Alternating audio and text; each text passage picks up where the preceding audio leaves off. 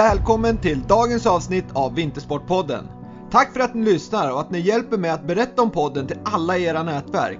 Med alla intressanta gäster som jag haft och kommer att ha tycker jag alla ska få chansen att ta del av deras kompetens, erfarenhet och förmåga att ge inspiration. Så följ Vintersportpodden där poddar finns så ni får ett meddelande när ett nytt avsnitt är publiceras och naturligtvis följ Vintersportpodden på Instagram för att få relevant information om vad som är på gång och inspiration. Varmt välkommen till Vintersportpodden.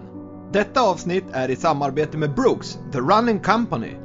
Brooks grundades 1914 och har stor kunskap om hur skor ska byggas för att ge absolut bästa löpupplevelse oavsett löpstil, erfarenhet eller anatomi. Jag har löpt med Brooks kontinuerligt ett år nu och har aldrig haft bättre skor. Jag har skor som passar min nivå och alla underlag. Unna dig ett par riktigt bra skor inför 2022 för att utvecklas som löpare och ha en härlig löpupplevelse. Be happy and run happy med Brooks, The Running Company. Nu drar vi igång dagens avsnitt.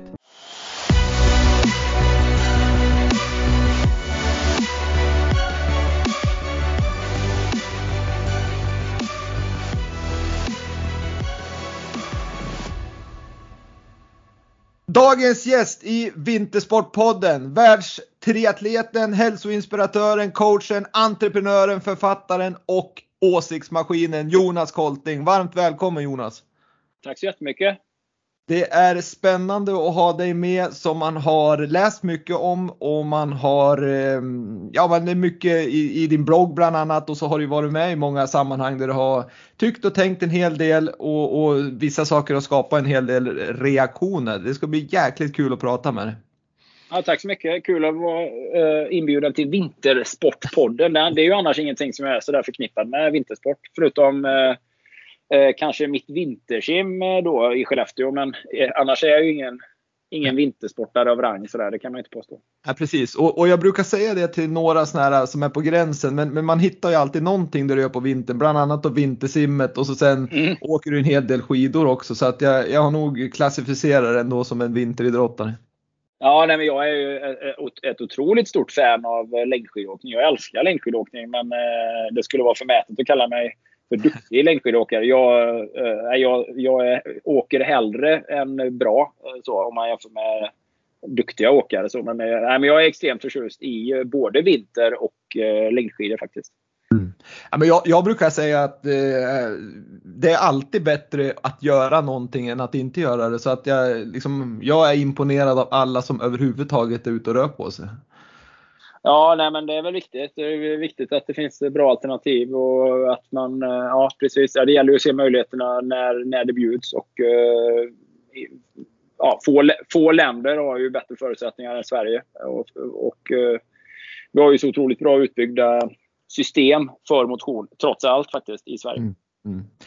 Ja, vi ska komma in mer på det där Jonas och vi ska prata om eh, vem du är, vi ska prata om kost naturligtvis, folkhälsan, vi ska prata skador och så vidare. Men innan det så ska jag bara dra en kortis om vem Jonas Kolting är. Jag gav ju i ingressen här att han är en eh, världs 3 framför allt, men jobbar numera som lite mer hälsoinspiratör, coach, entreprenör och författare och, och, så vidare. Men han är född 1973 i Göteborg faktiskt, flyttade som sex månaders baby till Borås där han växte upp och blev Borås trogen. Eh, skriver fyra böcker, varav tre på egen hand. Eh, som triatlet har han många fina meriter, bland annat två VM-medaljer på långdistans, två EM-medaljer på långdistans, tre pallplatser varav två guld på Ultraman World Championship.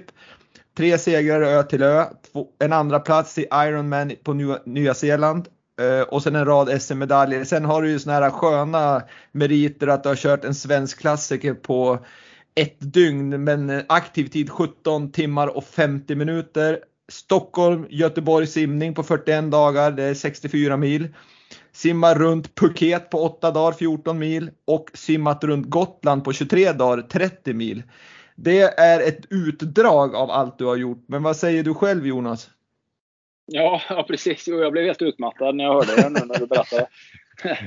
jo, men eh, jag har ju hållit på väldigt länge. Så att, uh, först hade jag ju min aktiva karriär i tre. Först hade jag en simkarriär med bara simtävlingar. Medioker, hyfsat medioker. Men sen var det ju en lång karriär med triathlon från amatörnivå till uh, högsta proffsnivå. Och så kom uh, swimrun in då lite grann på kanten.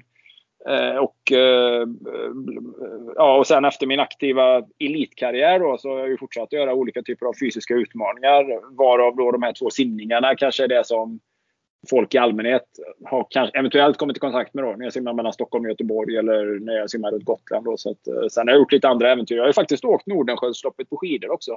Just det, och det är, eh, ett, det är ett långt lopp det. Ja, superhäftigt. Ett, en av mina bästa, en av mina roligaste eller en av mina, mina mest minnesvärda och positiva eh, motionsdagar någonsin. Jag tyckte det var verkligen eh, en upplevelse. Och så. Sen kört lite etapplopp på mountainbike och, och så också. Så att, eh, ja, men ska jag plocka någonting där så idrottskarriären är all ära, men jag är väldigt stolt över mina, mina simningar. Eh, speciellt den mellan Stockholm och Göteborg eftersom den hade ett eh, mer övergripande eh, vad ska man säga, den hade ju ett, ett mer eh, filantropiskt perspektiv eller syfte också med insamling till eh, War och, mm.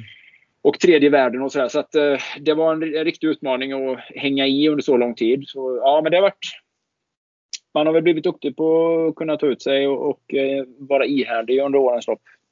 Man kan ju, det, det är ju, det är liksom grymt härligt och, och, och, att du gör välgörenhetsinsatser. Det är ju liksom stort i sig. Men, men jag, jag brukar alltid, när jag pratar med sådana här extrema idrottare som du och några andra jag har haft i podden här, så jag måste ställa frågan ändå. Vad är det som driver en nummer ett till att simma liksom 64 mil? Det är ju en fråga och fråga två i samma fråga. Det blir ju liksom hur tänker du när du är uppe i allting? Att hur orkar du liksom fortsätta dag ut och dag in och bara nöta på?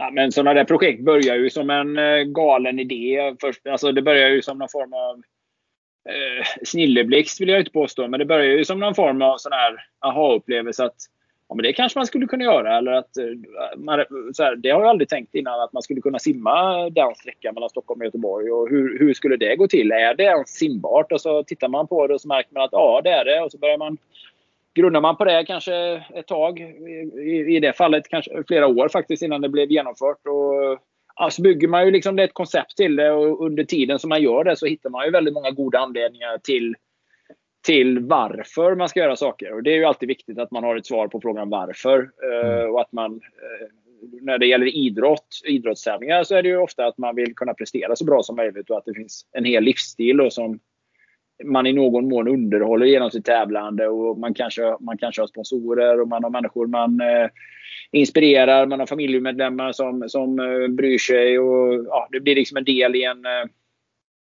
eh liksom, det finns många olika faktorer. Plus att det är någonting som man är duktig på. Så att man är, ute, man är ju faktiskt där och gör någon form av jobb. Man gör sitt jobb och man gör det så bra man kan. Och så.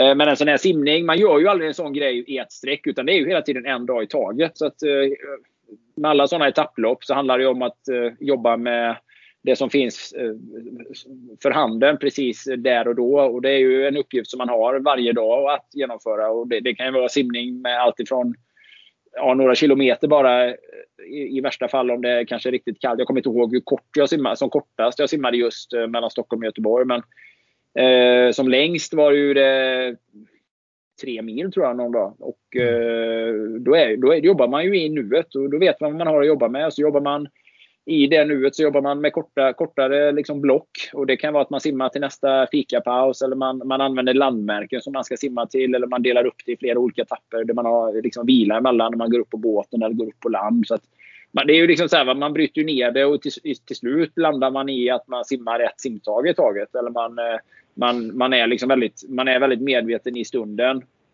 Och då blir väldigt, väldigt stora utmaningar blir ju en, mycket enklare att genomföra. Jag ska inte säga att det är lätt, men det är enklare att förstå hur man gör det. För du tar egentligen bara ett simtag efter det andra och så inser man att det där enda simtaget eller de där enda 30 sekunderna eller den där, den där enda minuten av simning, den är ju inte speciellt svår. Det, det, är ju, om det handlar om att ta ett simtag till så vet jag ju att jag alltid kan göra det. Så det är ju att man, man får jobba med sitt psyke helt enkelt. Och sen får man ju lära sig att uh, man får använda sin, sin energi på olika sätt. Och man får veta, jag är ju duktig på att göra mig av med frustration. Jag skriker och ropar mycket när jag blir irriterad och arg och sånt. Och det är ju jättevärdefullt för mig. Liksom. Jag kan härja på havet där eller i vattnet och förbanna vind och vågor och, och liksom Eh, ja, och så när det kokar över, när topplocket ryker och sen så simmar jag vidare då efter det. Så att, eh, det gäller ju liksom att veta att man har en ventil för, för eh, eh, de där känslorna så att de blir konstruktiva. För, för, det är ju starka och bra känslor. Alltså det här med frustration och ilska eller, eller irritation eller vad det nu än är. Alltså, det kan vara lika starka motorer som eh, eh lycka och harmoni och du vet allt det där andra som man no vanligtvis förknippar. Så, ja, nej, men så men, det är ju en träning i det där. Jag kan säga att jag lärde mig väldigt mycket av det. Mer, alltså, man lär ju sig mycket genom att vara idrottsman, men, men sen hamnar man i situationer där man ska göra andra saker. Och, Triathlon är ju liksom i regel en enda dag. Nästan alltid är det ju det är ett lopp liksom, på en dag. Om man inte kör ett etapplopp då som ultraman. Men ska man göra ett sånt här äventyr så håller man ju på i flera veckor och då, då blir det en annan slags strategi. Ja men precis och jag, jag, jag, har faktiskt sett att eh, jag tror att du har en föreläsning som, som jag gillar i alla fall överskriften på eller liksom temat på. Och jag har haft en, jag har haft en ehm, eh, mental rådgivare eller mental coach som heter Stig Wiklund i podden som använder samma uttryck som jag gillar verkligen. Och när du pratar personlig utveckling så pratar du om bli bekväm med det obekväma. Är ja. det ett uttryck som jag tror att du tänker på just när det gäller, ja men precis som det låter, att, att för att utvecklas måste man våga göra saker som man inte känner sig bekväm med. Är det så ditt tankesätt är? Ja, men det kan man väl säga på ett sätt. Alltså det, det, den föreläsningen har ju flera bottnar, tycker jag. Jag tycker hela uttrycket eh, har många bottnar. Som, som idrottsman, eller utifrån det perspektivet jag är, så, så är ju det nästan alltid så att Eh, när man ger sig i kast med en, eh, en fysisk utmaning. Vi kan, alltså att, simma, att simma i öppet vatten är väldigt bra som referens. Därför att då har man ju en jättetröskel initialt. Där det är, man så fy fan, det är motbjudande. Man ska hoppa i. Det kanske är jättekallt. Man är trött. Det är dåliga förhållanden. Eh, och sådär. Eh, och, eh, och då är, och sådär, och sen, men sen så hoppar, hoppar du i vattnet och så är ju det akut jobbigt Eh, i, i huvudet. Eller det kan också vara en fysisk känsla, liksom att det är kallt och liksom man tycker att det är fruktansvärt.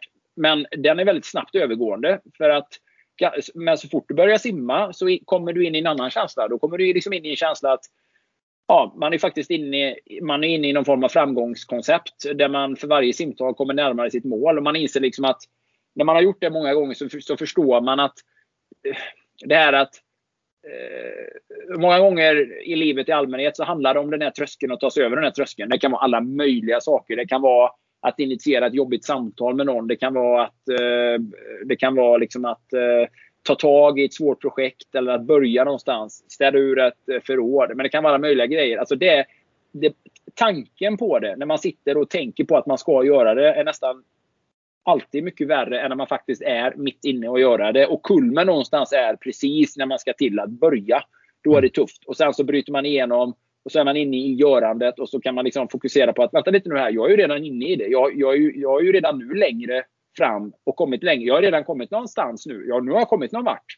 Eh, mm. mot när jag bara satt och tänkte på det. Eller nu är jag faktiskt inne och simmar. Jag är på väg att få upp pulsen tidigare hela dagen hade jag bara varit orolig för hur kallt det ska vara. Jag har suttit på båten. Så att det är ju liksom en aspekt av det här att det finns ju alltid ord man kan använda där man liksom så här, ja, kallt, ja visst, det är, det är ett negativt ord om man ska hoppa i och simma. Men man skulle kunna säga också mindre varmt eh, är ju ett annat uttryck. Eller man kan också säga så här, ja, kallt kallt, svalt och skönt. Ja, vad härligt. Därför att att simma i för varmt vatten, det är ju fruktansvärt. Då kokar man ju. Eller det är ju vidrigt när man simmar exempelvis runt Phuket.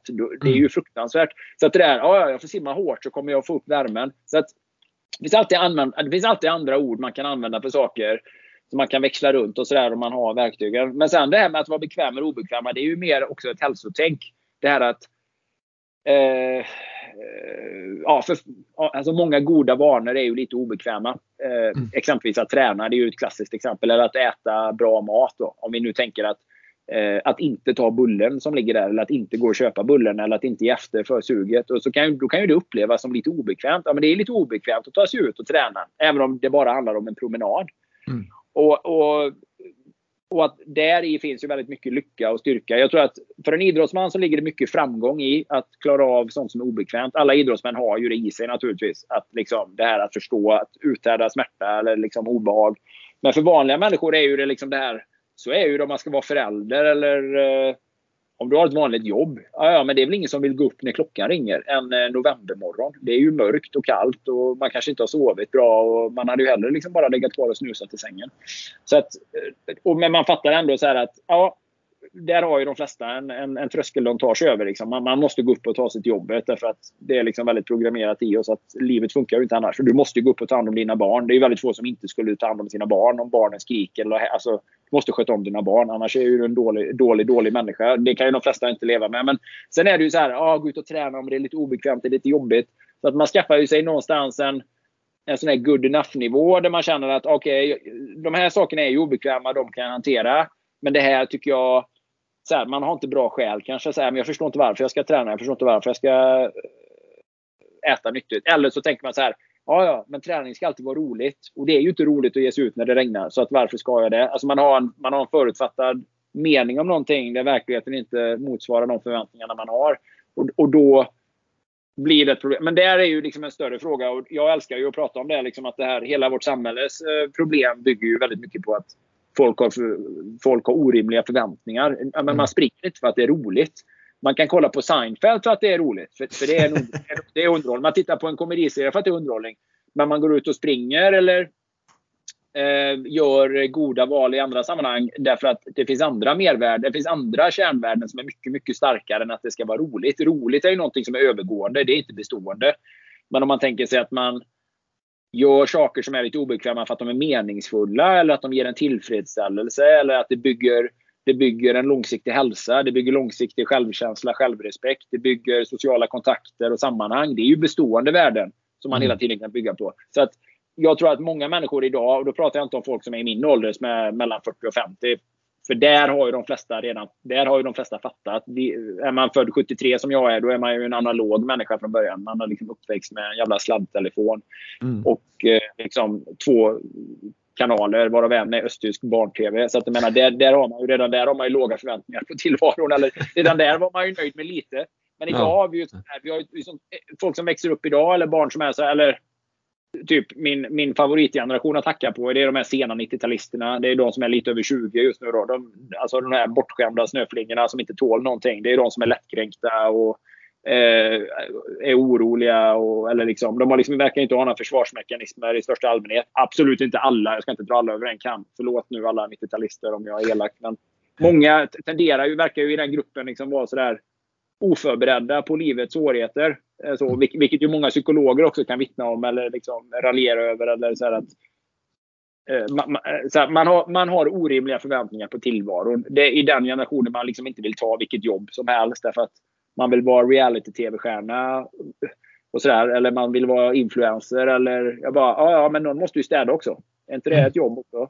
Nej, men jag väntar på ett chefsjobb, eller ett influensjobb eller ett mediajobb. Eller, alltså nu raljerar jag och skämtar om det, men här, man, har, man har förväntningar på tillvaron att det ska vara lätt, enkelt, friktionsfritt, eh, roligt. Eh, mat, allting ska vara gott, allt ska vara en upplevelse. Ingenting får vara liksom, påfrestande. Ingenting får vara eh, eh, det får inte vara för mycket motstånd i det. Och där ligger mycket, väldigt mycket intressant kring det här att faktiskt vara bekväm med sånt som är lite obekvämt därför att det är väldigt, väldigt, väldigt bra för oss och utvecklande på alla sätt, precis som du sa. Ja men exakt, det var, det var en jäkligt härligt svar för jag, jag, tycker liksom, jag håller med dig där om att allt ska gå så fort för, för den där generationen att man, man ska gå direkt från skolan till att vara partner eller man ska vara eh, äga någonting eller man ska vara chef som du sa eller vad det nu än är och det ska vara liksom bra jobb som de säger. Eh, och sen en annan sak om man kopplar det till träningen så, så kan det också ha det här med jag pratade med Arne Ljungqvist, eh, han eh, Mr Antidoping som, som också mm. har, som har startat en, en, eh, en, ett projekt som heter Pure for Sure där, där, man liksom tittar på dopingen ur ett samhällsperspektiv där det är ett ganska stort problem. Och det kan ju ja. också ha med det där att göra lite grann att allt ska gå så jävla fort att man, har, man bygger inte upp kroppen över tid utan det ska, det ska vara liksom magrutor dag två liksom och då, mm. då tar man alla genvägar som finns. Så det är nog ett problem som, som faktiskt finns i hela samhället det där. Oavsett ja, om det är träning eller jobb eller Absolut. Så du har, du har ju helt rätt. Absolut. Det där är ju, och det pratade jag redan om för tio år sedan när jag skrev en av mina böcker och föreläste och så här att vi lever ju i den här eh, de snabba kickarnas tidevarv och att, att uh, vi lever med omedelbarhet. Uh, vilket ju kanske iPhonen är ju kanske den, den bästa det bästa exemplet på hur det manifesteras i våran värld. Alltså, du har omedelbar tillgång till all världens information. Du kan googla vad som helst. Eh, du kan kommunicera blixtsnabbt. Eh, du kan få omedelbar tillfredsställelse eller kick, kickbehovet tillfredsställt genom att posta på sociala medier. Du kan reagera omedelbart. Och, så där. Och, det, och det spiller ju över lite grann i förväntningar på världen i allmänhet i övrigt också. då. Precis som du säger där. Att eh, man förväntar sig omedelbara resultat. Och framförallt konsekventa, kontinuerliga resultat. Alltså så där, det får inte finnas en dipp. För så fort det blir en dipp. All, all, all, alla framgångsrika människor kan ju berätta om att okej, okay, för tio år sedan ja, så började jag där nere och nu är jag här uppe. Men vägen har inte varit spikrak därifrån, där nerifrån och upp hit. Utan det har ju gått som en sinuskurva upp och ner, upp och ner, upp och ner. Och, och med tiden så, så, har totalresultatet blivit att det, det har liksom, det har, eh, det har blivit en bra, en bra resa. Det har varit framgångsrikt. Men, men det har varit mängder med bakslag längs vägen. Och det tror jag också är kanske en överraskning för, för många. Att ja, man gör någonting, man satsar på någonting och det går en dag, två dagar, tre dagar. Fjärde dagen går det lite sämre, femte dagen går det inte alls. Och det är ju där en, en, en, eh, en person som till slut lyckas eh, samla ny kraft och eh, knyter näven i fickan och testar och prövar och ger inte upp utan kör vidare och liksom lär sig av det och förstår att ja, ja, men det är ju en, det är en lärdom att det går sämre nu. Nu lär jag mig någonting och så tar jag nästa steg. Mm. Jag tror att många idag ger upp helt enkelt. Ja, Eller att man, man, och det kan vara med träningen, hälsan, viktnedgången. Eh, ja, inte vet jag vad det nu än är. Ja. Eh, återigen, det är ju ingenting man ska dra alla människor över en kam. Absolut inte. För att, menar, det finns ju duktiga människor som lyckas i alla möjliga eh, eh i, ja, i alla möjliga sammanhang och, och uh, i alla möjliga åldrar. Men det, vi lever nog helt klart med en brist på tålamod, det tror jag. Och speciellt när det gäller den egna kroppen och den egna utvecklingen. Och det, det är ett problem. Mm. Ja, vi kommer in lite mer sen på, på folkhälsan. Jag tänkte bara liksom snabbt gå tillbaks till, till uppväxten i, i Borås. Mm. Eh, vad, vad, var det som ändå gjorde dig då liksom till den du blev? Eh, dels då som världstriatlet och, och, och, har gjort de prestationerna men även då till den liksom drivet och den, det engagemanget du har för, för hälsa och vara den hälsoinspiratör du är idag. Va, va, vad var det som gjorde att du hamnade där? Ja, du vet, det är ju det är väldigt svårt att säga. Det är många faktorer tror jag i, i ens uppväxt. Men eh, det är ju en blandning av slump och Eh, ja, multifaktorella omständigheter. Eh, ja, jag vet inte ens att, att, det var, att det var givet att jag skulle hamna, hamna liksom i idrottsvärlden. Jag var ju väldigt obegåvad, eller ja, relativt sett obegåvad när jag var liten. Eh, jag var ju inte vare sig speciellt eh, snabb på någonting. Visst, jag var hyfsat snabb på att springa snabbt. Jag var ju ganska lång för min, för min ålder. Men eh, jag hade ju liksom ingen träningsbakgrund. Jag höll inte på med någon idrott. Jag växte upp med min mamma som var akademiker.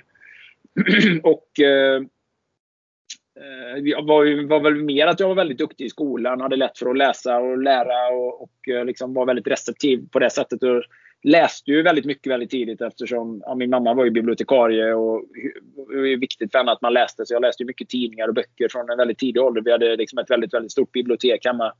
Så det hade kanske varit mer rimligt att jag exempelvis hade blivit journalist eller någonting. Men eh, så blev det väl en slump att en kompis till mig simma och eh, så hängde jag på och min mamma uppmuntrade det för det var ju bra att, att liksom, eh, bli duktig på att simma, alltså ur ett sim kunnighetsperspektiv. Jag var, ju, jag var ju jättedålig på att simma i skolan när man skulle lära sig bröstsim.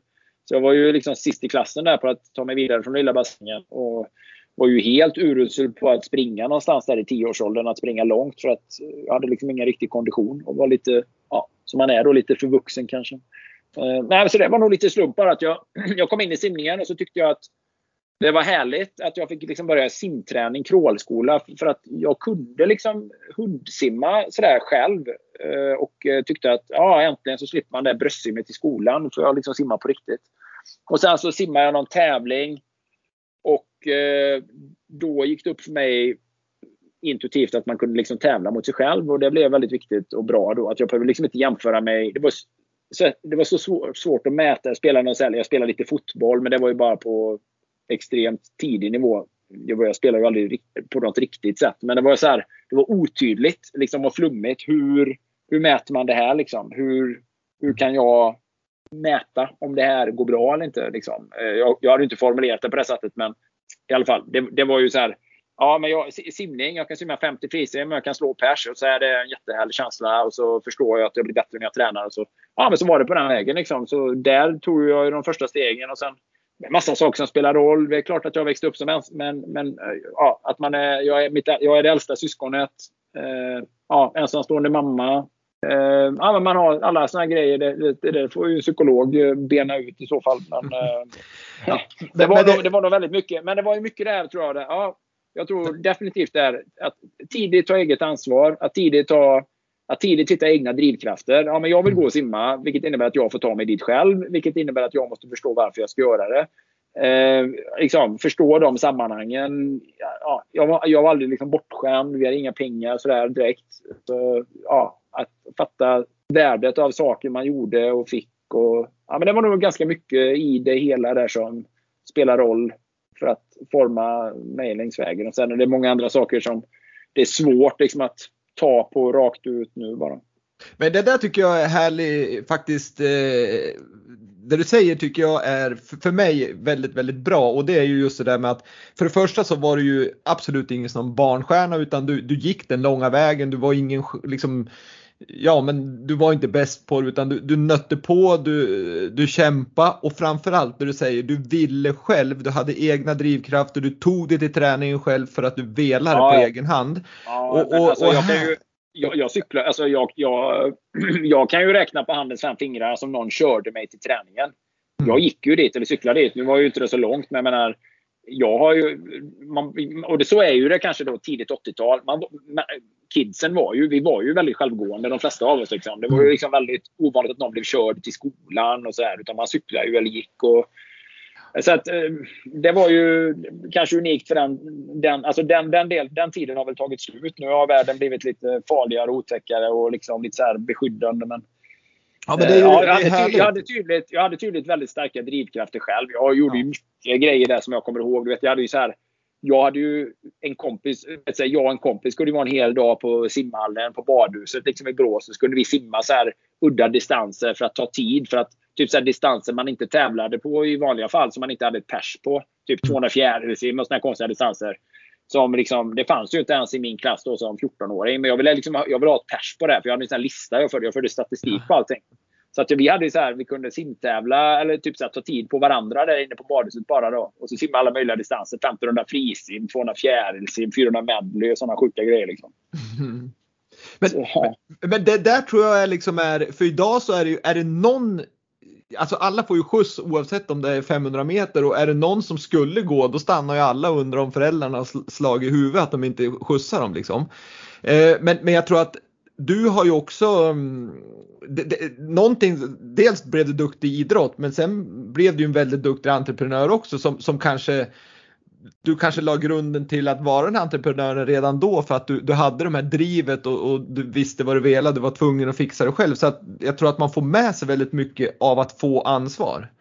Ja, jo, så är det ju säkert. Samtidigt så och det kan nog många, om man, det kan nog många skidåkare som är duktiga. Eller, ja, så, alltså just det här att jag menar, man, man växer upp och så är man idrottsperson, idrottskille. Nu har jag aldrig liksom känt mig att, att jag har aldrig känt mig helt bekväm med den rollen och framförallt inte att det har varit det enda jag har varit. Jag har varit väldigt intresserad från att jag var liten av liksom, samhällsfrågor och litteratur och liksom, film och musik. Och, jag, menar, jag kunde ju lika gärna köpa eh, en, en eh, en musiktidning som en, eller en historietidning som, som en, en sporttidning. Eller liksom, eh, inte vet jag, nu finns det ju, fanns inget. men jag, jag, jag, kunde lika gärna köpa en, ja, läsa skivrecensioner som jag läste liksom Buster när jag var 12 år gammal. Så att, eh, men man är ju liksom, man är ju, sen växer man upp och blir idrottsman så kanske man blir ganska bra vid en viss ålder. Jag blev väl hyfsat duktig i simning när jag blev 16 år, 15-16 år.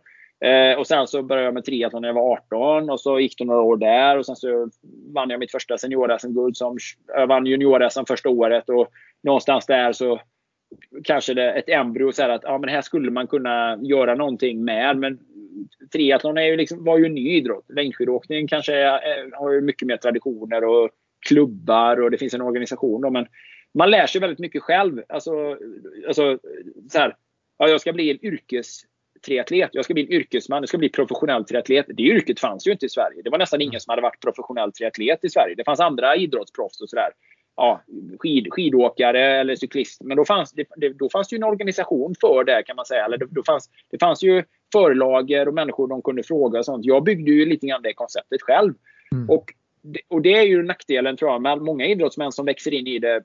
Så, man lär sig träningen. För jag var ju också min egen tränare så det var ju mycket att lära. Men sen har man liksom inte, man är inte affärsutbildad. Det, man skulle behövt ett år på typ Handels för att liksom fatta det minsta lilla kring den grejen. Så här, man är så jävla in, man är infödd i det här föreningslivet. Eller man var ju det då. Jag var ju det. Jag kom ju från sim, simklubben. Det är ju ett av de mest förenings ja, föreningsstyrda. Eller det är ju verkligen någonstans essensen av svenskt föreningsliv. Liksom. Svenska simklubbar i kommunala simhallar. Eh, simning som har ju varit en sån superamatöridrott i många, många år. I först det senaste decenniet, kanske de senaste två åren som simmare har börjat tjäna pengar. Eh, så man, man, hade liksom inte det tänket. Man fattade liksom inte hur Eh, Eh, så här, ah, okej, okay, hur gör man då? Ja men eh, du får föreningen får ta in pengarna så får du ta ut det mot kvitton. Man bara okej, okay, ja, ah, ja visst det funkar. Men det är ju liksom inte, du kan ju inte försörja dig på det sättet. Det är ju liksom inte, det är inte byggt för att du ska vara elitproffsidrottare. Så här, så här okej okay, jag ska starta, starta eget då. Så lära sig fakturera. Okej vad är det jag ska sälja? Alltså det är väldigt mycket det här den delen så här, att kommersialisera sin idrott då. Att förstå så här, att men vänta lite nu. Jag, jag har ett värde kanske i det jag gör. Jag har partners. Om de ska ge mig pengar för någonting så gör ju inte de det för att de ska vara snälla mot mig. Det kanske de också gör men ett sånt förhållande bygger också på att de kan förvänta sig att få någonting tillbaka. I förlängningen måste det bygga på det i alla fall. Visst, någon kanske bara vill vara vänlig. Om det är lite pengar bara, det spelar inte så stor roll. Men om man ska liksom kunna börja sig på det på riktigt, på riktigt, då måste man ju etablera yrkesmässiga relationer, affärsmässiga relationer.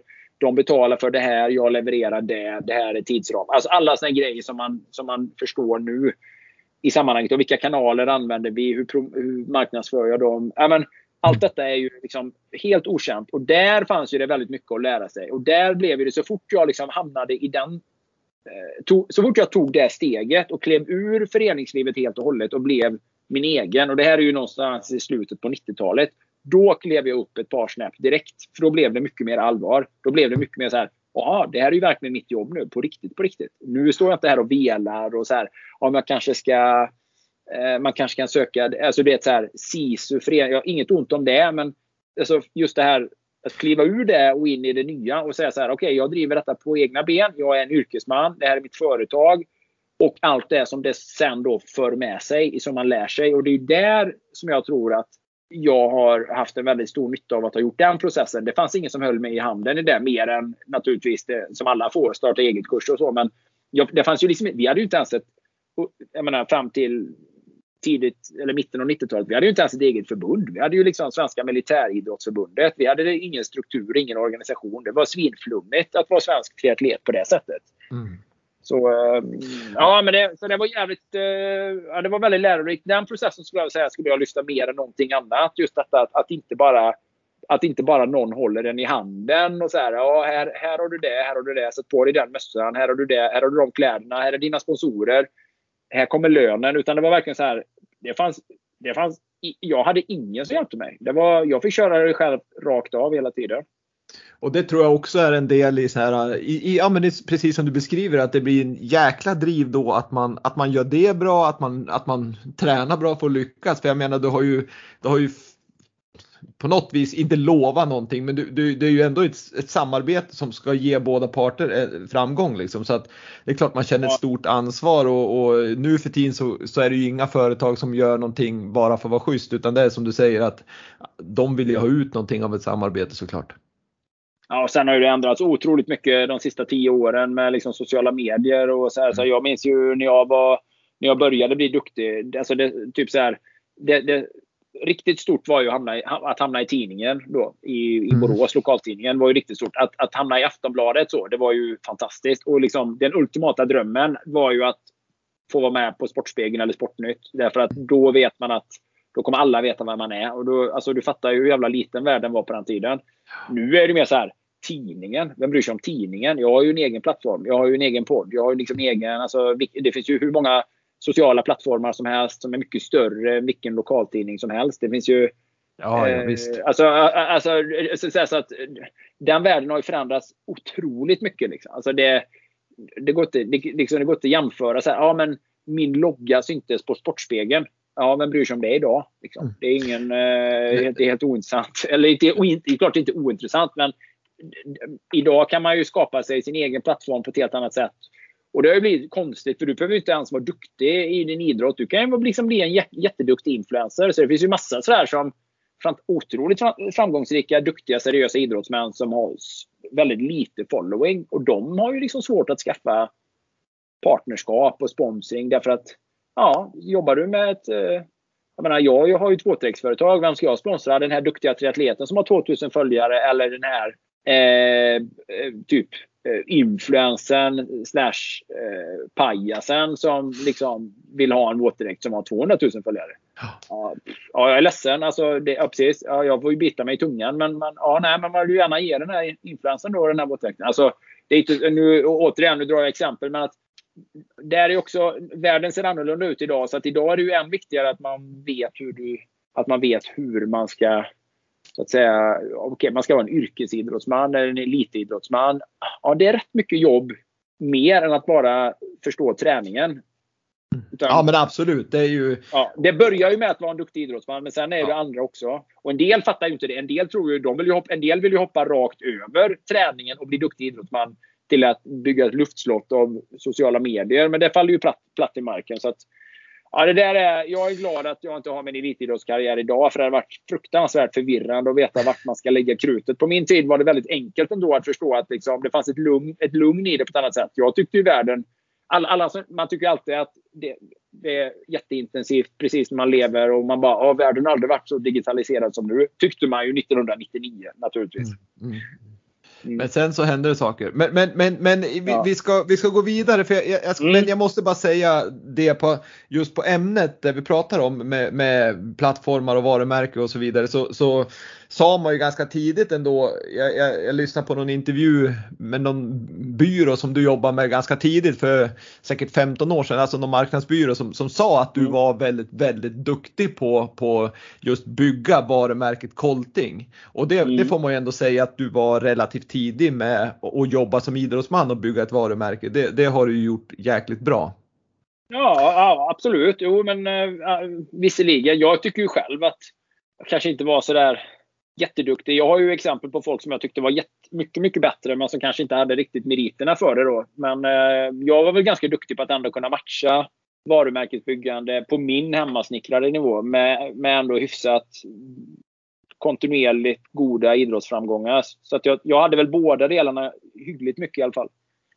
Ja men det låter bra det. Men du, vi ska gå in på, vi har mm. egentligen mm. fyra ämnen som jag, vill, som jag vill prata om. Så nu, nu får vi hålla lite tempo här när vi, när vi, vi är två pratglada killar som ska försöka ja. få tiden att gå ihop. Men träningsfilosofi, skador, kost och folkhälsa det är liksom ganska stora ämnen. Men, men vi kan ju försöka bena ner det lite så här hyfsat kortfattat. Men, men. Mm. vad är din träningsfilosofi om du skulle beskriva den liksom hyfsat kort? Alltså, min, min träningsfilosofi idag är ju byggd på hälsa och långsiktighet. Jag vill inte bli gammal för tidigt helt enkelt. Jag vill vara hel och stark. Jag har två små barn som jag vill kunna träna och tävla med. När de, när de är i tonåren vill jag kunna köra swimrun med Tudor och Rufus. Sådär, så att jag vill ju vara... Jag vill ju vara jag vill ju, det är en blandning av fåfänga, hälsotänk, eh, eh, liksom, eh, livsnjutning och Eh, effektivitet som jag bygger min träning på idag. Alltså det, det är det här. Jag vill liksom bara ha förmåga så länge det går. Eh, och då blir ju det väldigt mycket, ja, så många komponenter av träning som jag kan få in. Jag gillar att träna eh, tre, två, tre olika aktiviteter per dag vissa dagar. Och då kör jag kanske SUP, eh, så här års, eh, SUP, simning, eh, stavgångsintervaller, mountainbike eller löpning. Eh, typ tre, tre av de passen på en dag. Dagen efter så kör jag i regel då bara ett, ett hårt styrkepass. Så att, mm. eh, och lite annan träning. Så jag försöker få ihop en 14, 15, 18, 20 timmar i veckan beroende på. Ibland 10 timmar. Så. Men jag försöker träna varje dag och helst flera gånger per dag.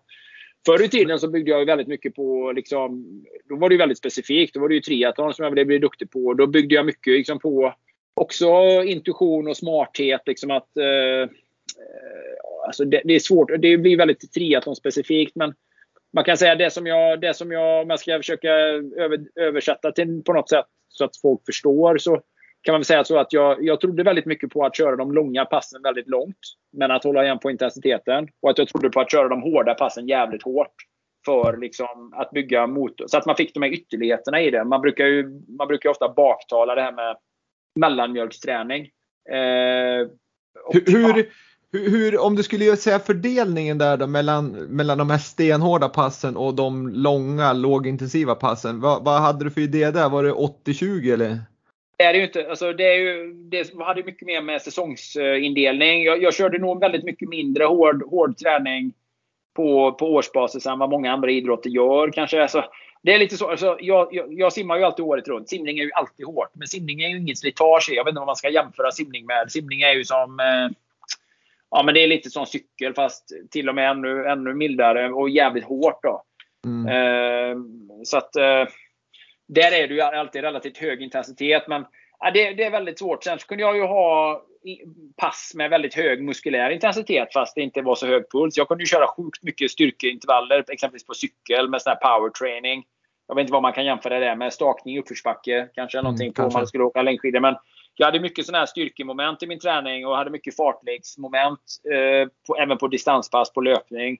Eftersom jag springer mycket kuperad terräng i Borås. Men utan att, gick, utan att det blev de här topparna. Så jag hade nog väldigt mycket jag hade väldigt mycket såna här regler för mig. Där jag liksom, typ så här, om jag vill inte ha några inslag av mjölksyra under distanspassen. Eller mer än så här smygsyra som man kan få. Men just att, att, eh, typ att det, det, det värsta jag visste det var att träna med folk som, som inte fattade någonting. Som var stressiga och som skulle liksom så här bevisa någonting på träningspass. Eller som skulle vinna ett träningspass. De kunde jag ju bara skratta åt. Så fick de köra själva. Typ så här, cykla med en grupp cyklister skulle jag ju, gjorde jag ju undantagsvis bara. För de, det var ju många gånger som inte de fattade. Jag bara, vad är det ni tränar? Är det fem timmar distans eller är det fem timmar fartlek? Eller är det fem timmar eh, typ eh, eh, Förstenhem? Eller liksom, vad, är det vi, vad, är det, vad är det ni tränar? Vad är det ni tror att ni tränar? Så, va? Mm. Bara så att vi är på samma sida. Så att, eh, det var, alltså, så att, eh, jag, jag hade en väldigt uh, uttänkt liksom, idé när jag tränade. Och jag hade väldigt, var väldigt flexibel. Jag hade alltid en röd tråd i huvudet. Men så, aldrig detaljstyrt egentligen för de sista två dagarna. In, inför varje... Liksom, jag bestämde mig aldrig förrän kvällen innan eller till och med på morgonen många gånger för att jag ville vara lyhörd för hur kroppen kändes. Så att jag kunde kasta om och sådär. Men du hade ändå idén och tanken, liksom strukturen och framförallt syftet. Om du nu bestämde dig att gå ut och köra intervaller eller ett distanspass så var du var fullkomligt klar med syftet ja, för dagen. Ja, ja, absolut. När jag väl var, stack ut gjorde jag det. Och liksom, det var ju väldigt sällan som det var mitt emellan. Utan det var ofta så här. Och, och det jag renodlade sen när jag blev riktigt duktig var att jag körde mycket inför tävlings... Alltså, jag körde ju mycket klassisk grundträning. Alltså väldigt mycket hyfsade stora volymveckor. Så. Men sen inför, inför tävlingssäsongen eller inför att jag skulle ha en viktig tävling så körde jag mycket blockträning. Och då kunde jag ha så här 20 timmar, 22 timmar distans på tre dagar. Då kunde jag ju ha eh, två långa cykel... Så här, då, typiskt körde jag så här, lång cykel dag ett, eh, lång, lång löpning och lång simning dag två. Och så lång, jättelång cykel med en eh, kombinations... Så här, bricklöpning eh, dag tre. Och det, då pratar vi så här, cykelpass på över 20 mil, 25 mil. Eh, vi pratar om löp, löppass på typ 36 kilometer, simpass på 7-8 tusen. Och sen kunde jag ha en eller två dagar aktiv återhämtning. Eh, träna, men väldigt lite, ganska lite, väldigt lugnt. Och sen kunde jag ha då eh, två dagar med intensitet, eh, tävlingsträning. Och då körde jag både simning, cykel och löpning båda de dagarna. Så jag hade liksom sex, sex träningstillfällen. Ibland tränade jag ihop då två pass, men att jag körde ju kan man säga då sex pass på två dagar. Och då var ju det stenhårt, stenhårt, stenhårt. Typ så här tre gånger tre kilometer löpning. Typ så hårt så att jag håller på att dö. Typ eh, sten, stenhårt intervallpass i simning. Ja, så hårt så att det känns som du ska dö. Fyra mil lagtempo på cykel. Ja, typ så hårt så du ska dö med, typ, ja, med proffscyklister. Eh, ja, och så, den, så, och så lite återhämtning på det. En, en, två dagar aktiv återhämtning. Och så rullar jag sådana block då i några veckor. Men du, jäkligt intressant för det är ju helt galet hård träning det där. Och det var ju, det ska vi säga var när du var som, som aktivast. Men, men fortfarande så gör du mellan ja, från 10 till 25 timmar i veckan nu också, vilket är helt galet. Och då kan man ju undra hur, hur ja, men dels hur du får ihop det med två barn och hur, hur, hur det är att leva med dig. Liksom. Jag, menar, jag, jag hörde någonstans i, i någon podd som du var med i att, att en av ungarna hade gett sig in på ridning, vilket inte var helt sådär. Det är klart att du stöttade, stöttade, men det kanske inte var det Nej, näst bästa. Men... Han hade bara testat. Så nu ska jag testa bara. Jag ska bara, jag ska bara nu, jag tror mina airpods dör här nu, så jag ska bara växla över till högtalaren här. Jag hoppas att det funkar också. Ja, det funkar nog bra. Det funkar bra det va? Jajamän, jajamän. Men eh, Rufus han är faktiskt bara tre år så han, han, eh, han har fått som aktivitet på någon, i orga, någon organiserad form än faktiskt. Så att, eh, eh, ja, om han vill så, så, får han göra det. Men eh, jag, jag skulle nog vilja slå ett slag för, för, för, för, några andra idrotter tror jag. Men han ska få testa allting och han får göra det naturligtvis. Då, så att, ja, ja. det är klart, det är inte min första, det är inte mitt första val som idrott för mina barn. Du vill ju att de ska hålla på med någon form av uthållighetsidrott, det, det hör jag det. Kanske. Mm, det behöver de inte göra. De får de jättegärna göra och de kommer ju få testa alla möjliga saker. Naturligtvis simning, men de ska gå på längdskidskola, orienteringsskola och så. Men eh, jag är inte jätteförtjust i idrotter som har sådana uppenbara risker och som är o... Det, det dessutom är sådär... Ja, så här, alla som har ridit har ju slagit sig halvt ihjäl. Mina, min fru har ju ridit. Hon har ju, någon fo, hon har ju en fot som hon säger aldrig blir sig riktigt lik. och sådär. Alla jag vet som antingen rider, spelar hockey eller håller på med motorsport har ju slagit sig halvt fördärvade. Och det känns bara lite så här. Ah, jag vet inte riktigt poängen och nyttan med det om jag ska veta ärlig. Det är klart att de ska få testa att rida så att de inte är rädda för djur. Men eh, eh, jag håller mig, jag håller mig eh, försiktigt skeptisk till ridning som första val för min, mina söner. Och sen, ja. jag vill inte sitta i en paddock halva, halva deras uppväxt och titta på när de rider. Du vill hellre vara delaktig. Delaktig ja, förälder. Ja, precis. Jag tycker hästar är otroligt stora, väldigt vackra djur, men lätt, lite otäcka och oberäkneliga. Man vill liksom inte ha så här Nej men jag eh, har en häst här på 600 kilo som är jävligt pissed off idag och din son sitter på honom. Det vet jag inte om jag är intresserad av. Nej, jag håller med dig. Det är otroliga atleter i alla fall. De är, de är fina att se på. Ja, eh. det är imponerande såklart. Men eh, jag, ja, sen är det ju så, både jag och Elin har sagt det. Vi kommer ju stötta våra barn. Det de vill göra, om de bestämmer sig för vad det nu än är, så kommer vi bara säga ja, jättebra. Ja, vad, ja, pappa, mamma är här. Vi, vad behöver du? Mm. På en rimlig nivå. Liksom, så här, jag vill inte curla mina barn. Och det, sa man ju alltid, det har man ju alltid sagt innan man själv fick barn. Och nu när man har barn så bara jag gör vad som helst.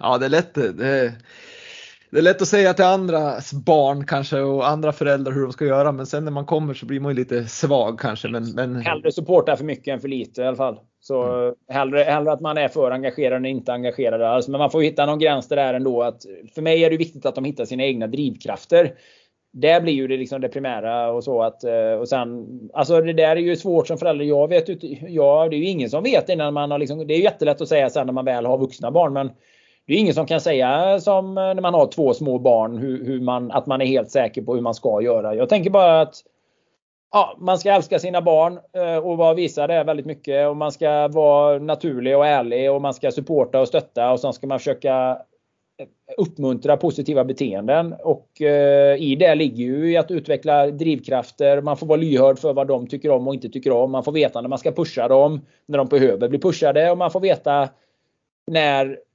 liksom man ska backa tillbaka för att man inte ska tvinga dem. Så att det där är får man ju ha lite känsla för. Men jag tror att är man intresserad, genuin och äkta och eh, hyfsat närvarande när man kan så går ju det bra. Sen är ju det och det har jag upptäckt. Och det är ju det värsta med att ha barn. Det, är ju ett, det finns ju ingen gräns uppåt vad man kan göra. Man kan ju vara med sina barn 24-7.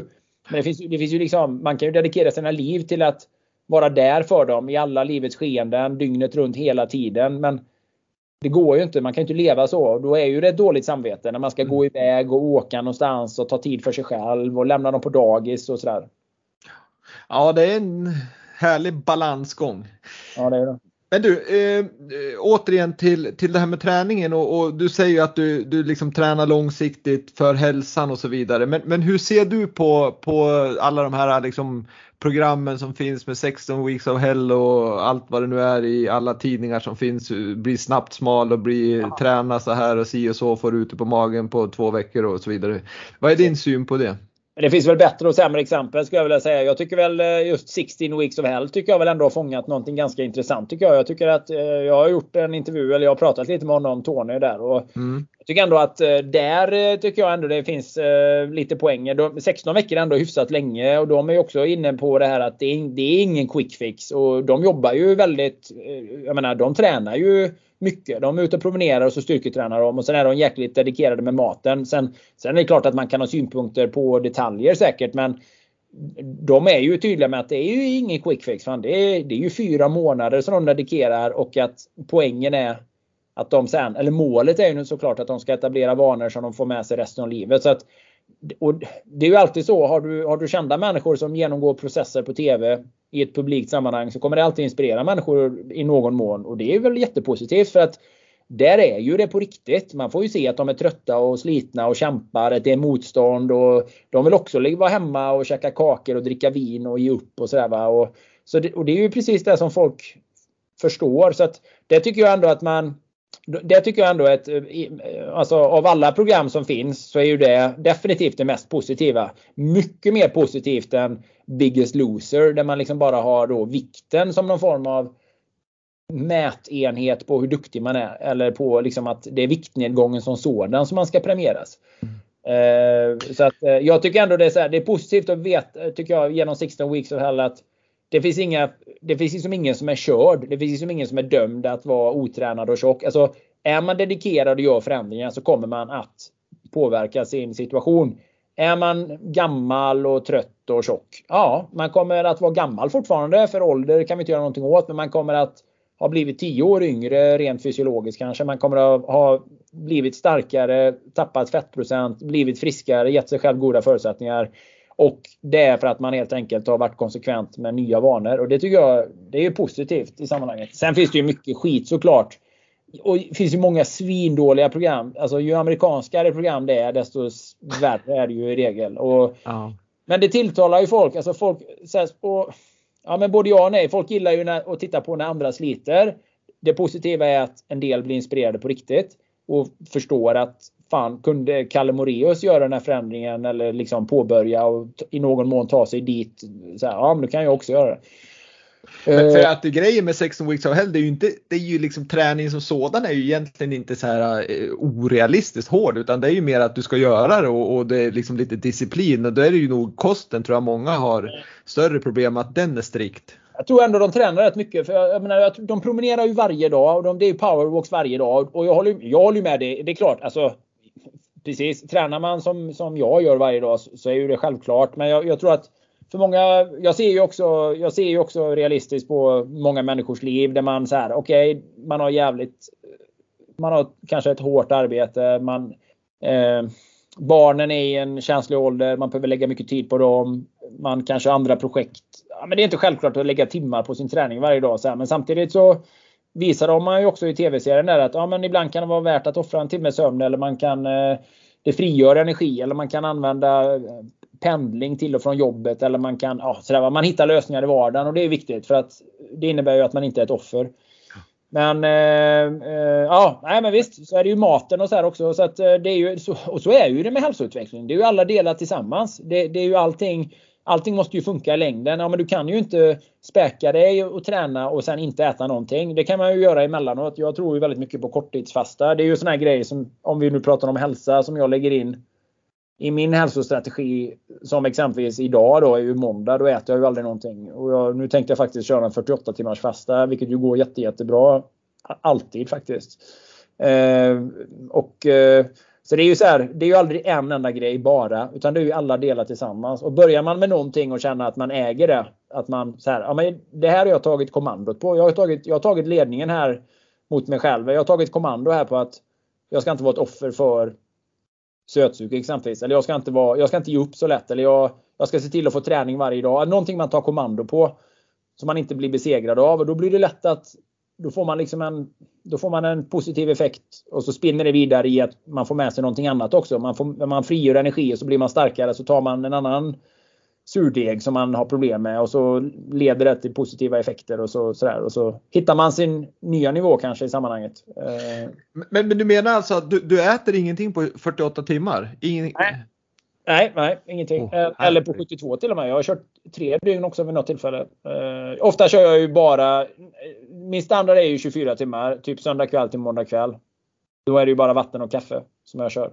Och någon gång då och då när jag känner att jag har slarvat mycket eller att jag har varit eller slarvat mycket. Det, ja visst, det kan ju det vara. Uh, med fester och kalas och sånt där som jag tycker är gott att unna mig. Eller man har druckit lite alkohol varje dag under en, inte, alltså typ så här, ja, man har druckit några glas vin varje dag under en period eller uh, man har haft semester och rest och man har liksom bara unnat sig. Uh, och då tycker jag det är fräscht att köra en 48 timmars för att resetta någonstans. Och, och det går alltid jätte, jättebra. Då tränar jag ju som vanligt. Jag har kört två pass idag. Imorgon ska jag köra tre pass. Tre träningspass. ja, det, är, alltså det låter ju helt obegripligt. För jag, jag, men det är klart, är man van det så, så blir det en annan grej. För, för mig skulle det vara helt som det är nu liksom att man skulle ja, göra. Det huvudet också, jag lovar dig. Det, det där är ju verkligen det där att vara bekväm eller obekväm. Det mm. låter obekvämt att äta för att det är så gott att äta.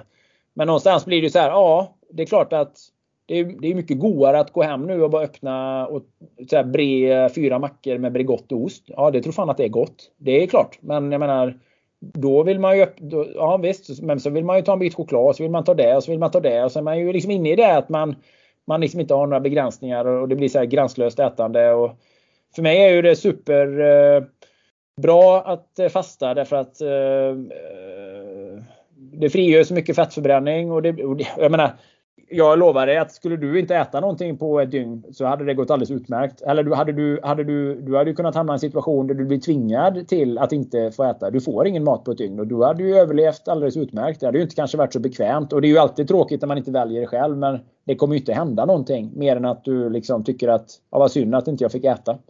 Eller vad, men du, du har ju garanterat energi som du kan frigöra. Det har ju alla människor. Så att, jag, jag, jag, bara dricka, jag, jag, dricker vatten och kaffe och eh, jag, är ju, jag mår ju jättebra eh, helt ärligt under de här fasterna. Och, och jag har hög förmåga när jag tränar. Nu kör jag inte de värsta, värsta passen men normal träning går utmärkt. Jag, imorgon, jag, jag, får, Ja, men jag får ju för mig att liksom, när man fastar så att kroppen nästan går in, eller kanske under längre fastar, att kroppen går in i någon form av nödläge, att man stoppar fettförbränningen. Nej, det gör den inte. Alltså fett är ju det primära. Fett är ju, fett, fett är den primära energikällan. muskelnedbrytning är ju inte den primära energikällan egentligen. Och har man en bra aktiv fettförbränning så är ju, det, så är ju det, det definitivt det mest effektiva sättet för kroppen att fungera. Men det är klart att visst, du, men det spelar ingen roll hur mycket protein du äter. Du kommer alltid ha lite katabol. Är du uthållighetsidrottare så har ju du liksom, då är man ju jag menar, är du, läng, är du eh, liksom eh, långloppsåkare i skidor eller långloppslöpare. Då är ju du liksom en, i en katabol, ständigt katabolprocess för att allting handlar om eh, weight to power ratio liksom. Eller power to weight ratio. Du vill inte vara stor och tung utan du vill ju vara som en liten vinthund när du springer eller åker skidor eller cyklar. Så det där är ju alltid liksom en en, eh, finns ju alltid en, eh, liksom en katabolprocess eller ja, katabol slash anabol process beroende på vart man är i cykeln. Men Eh, grejen med fastan är ju att det frigör ju mycket könshormoner och testosteron. Vilket ju är jättepositivt när man är äldre. Så att det är ju liksom, om du tänker dig så här blod, paltkoma och eh, ätit en stor pastamåltid eller det här blodsockerkaos, blodsockertrötthet. Så är ju fastan är ju motsatsen. Det här att det är ju lågt insulin, eh, frisättning av testosteron, Eh, jämnt och stabilt blodsocker, låga insulinnivåer såklart då, och eh, väldigt positiv fettförbränning. Och man blir väldigt klar i huvudet. Det ser man ju frisättning av ketoner så är man eh, är väldigt positivt för tänkandet och kognitiva förmågan och sådär. Så att, ja, men det, ja. Kanske inte någonting för någon som kör fem timmar träning om dagen, eh, så, men definitivt någonting för för män som är i min ålder som börjar närma sig 50 och som vill vara friska och starka och speciellt för dem. Har man lite problem, dricker, om man dricker för mycket öl, gillar för mycket bröd, har 5 kilo eller mer för mycket i vikt eller, inte, eller bara i huvudtaget liksom, för att må bra så är ju korttidsfasta jäkligt eh, effektivt faktiskt. Så jag, kan, och jag, jag överdriver ju inte när jag säger att det går alltid bra. Ja, men på riktigt alltid bra. Det, det värsta som kan hända är att ingenting egentligen. Man, man, fastar man 48 timmar så kan man möjligtvis sova lite, lite oroligt mellan första och andra. Alltså man, man kanske sover lite oroligt. Men, men på det stora hela tycker jag att eh, ändå att återhämtningen är jättegod och träningen går bra därför att okej, okay, du kanske inte behöver utmana dig. Du behöver inte gå fastan in i en tävling. Men jag har ju kört väl så hårda träningsdagar med 3-4 pass. Jag hade ju en period jag tränade, jag fastade 72 timmar och tränade 9 timmar tror jag under den perioden. Normal träning. Oj. Alltså inte så här, jag var inte ute och promenera utan det var riktig träning. Mm. Eh, och det, det, går bra. Då, hade jag, då unnade jag mig lite sån här sockerfri brustablett eh, med lite mineraler och elektrolyter. Men That's it. Liksom. Ingen mat att tala om. Ingen, ingen liksom, inte juice. Eller ja, ingenting med energi helt enkelt. Men, men, om man då skulle komma in direkt, eller nu är vi inne på kosten, men, men din filosofi där då förutom eh, fastan liksom med mm. jämna mellanrum får resetta lite. Men, men vad är din grundfilosofi vad det gäller kosten? Den har ju också blivit väldigt utpräglad eh, hälsomedveten hälsotänk. Alltså den ska vara hälsostimulerande. Och där, där har man ju, tycker jag, en väldigt stor brist eh, som idrottsman. Eller många idrottsmän är ju fostrade i att tänka energi hela tiden. Man ska fylla på sina energilager. Jag tänkte på det så sent som för någon vecka sedan tror jag när jag såg eh, Sportspegeln och då var det ett reportage om Hanna Öberg och att hon hade haft svårt och hon var trött. Det var svackor förra året och att det var energin det var fel på. Liksom. Mm. Hon fick inte i sig tillräckligt mycket energi och bara va? Det är ju bara att äta en påse godis då. Om det är så, om det är så enkelt, typ alltså så här, att bli trött eller att bli övertränad eller att få en svacka. Det är ju mycket, mycket mer komplext än att bara säga ja, hon fick inte i sig tillräckligt mycket med energi. Att få i sig tillräckligt mycket med energi, det är ju det lättaste som finns. Ta en Det ska väl vara bra energi i och för sig? Ja, men det pratar man inte om. Man sa ju energi liksom. Ja, det ja, så, ja. För då blir ju det komplext direkt. Om du pratar om bra energi, ja, men då blir det ju så här att Ja, vänta lite nu här. Vi har ju energidepåer. Ja, men de är ju inte svåra att fylla på. Drick en cola. Ja, där har du jättemycket. Eller så här, ät lite lösgodis och gör det för då kommer du bli sugen på något annat sött. Och så, ja, energi kommer inte vara några problem. Nej, är det något annat då? Ja, men det kanske finns hälsodepåer också. Ja, just det. Ja, precis. Eller så kanske det finns andra komplexa faktorer. Det kanske är så här, ja, det är rätt sorts det är rätt sorts näring eller det, det, är saker som påverkar hormonerna på ett visst sätt så att återhämtningen blir positiv. Det kanske inte är insulinet vi vill stimulera utan det kanske är könshormonerna vi ska stimulera. Eller, förstår du? Alltså det blir så här. Men när man pratar om idrottsmäns ätande så blir det så oerhört endimensionellt. Det handlar om energi. Man ska fylla på energidepåerna. Problemet är att få i sig tillräckligt mycket energi. Eh, vilket ju är så här. Ja, vi måste tanka bilen. Men vänta lite nu här. Det är ju stor skillnad på att äta 12 eh, limpmackor mot att äta ett halvt kilo lever. Det är en stor skillnad på att äta ett halvt kilo vetemjöl i form av pasta mot att äta 500 gram eh, eh, lokalt odlad gräsbetande entrecote med fett. Alltså, alltså allting har nyanser och skillnader i sig. Alltså naturligtvis kvalitetsskillnad. Det är ju jättestor skillnad att få i sig Eh, Eh, ett kilo godis mot att få i sig ett kilo eh, ja, vad ska vi säga, fruktsallad eller guacamole. Allting, har ju liksom, allting påverkar kroppen annorlunda. Det är inte bara energi utan det är också hur, hur reagerar kroppen på det? Hur reagerar kroppen? Hur kan det matsmältas? Vilka system regleras? Hur påverkas hormonerna? Framförallt då va? som idrottsman är det jätteviktigt. Speciellt då som tjej när du har dessutom väldigt mycket hormonella cykler med menstruation och så vidare. Alltså att, så att mitt, mitt ätande, jag har alltid varit intresserad av det eh, och hade väldigt tidigt influenser ifrån böcker jag läste. Jag menar, jag växte upp under Gunde Svan-eran och då var det så här, gröt. Gröt är det som gäller. Man ska äta gröt.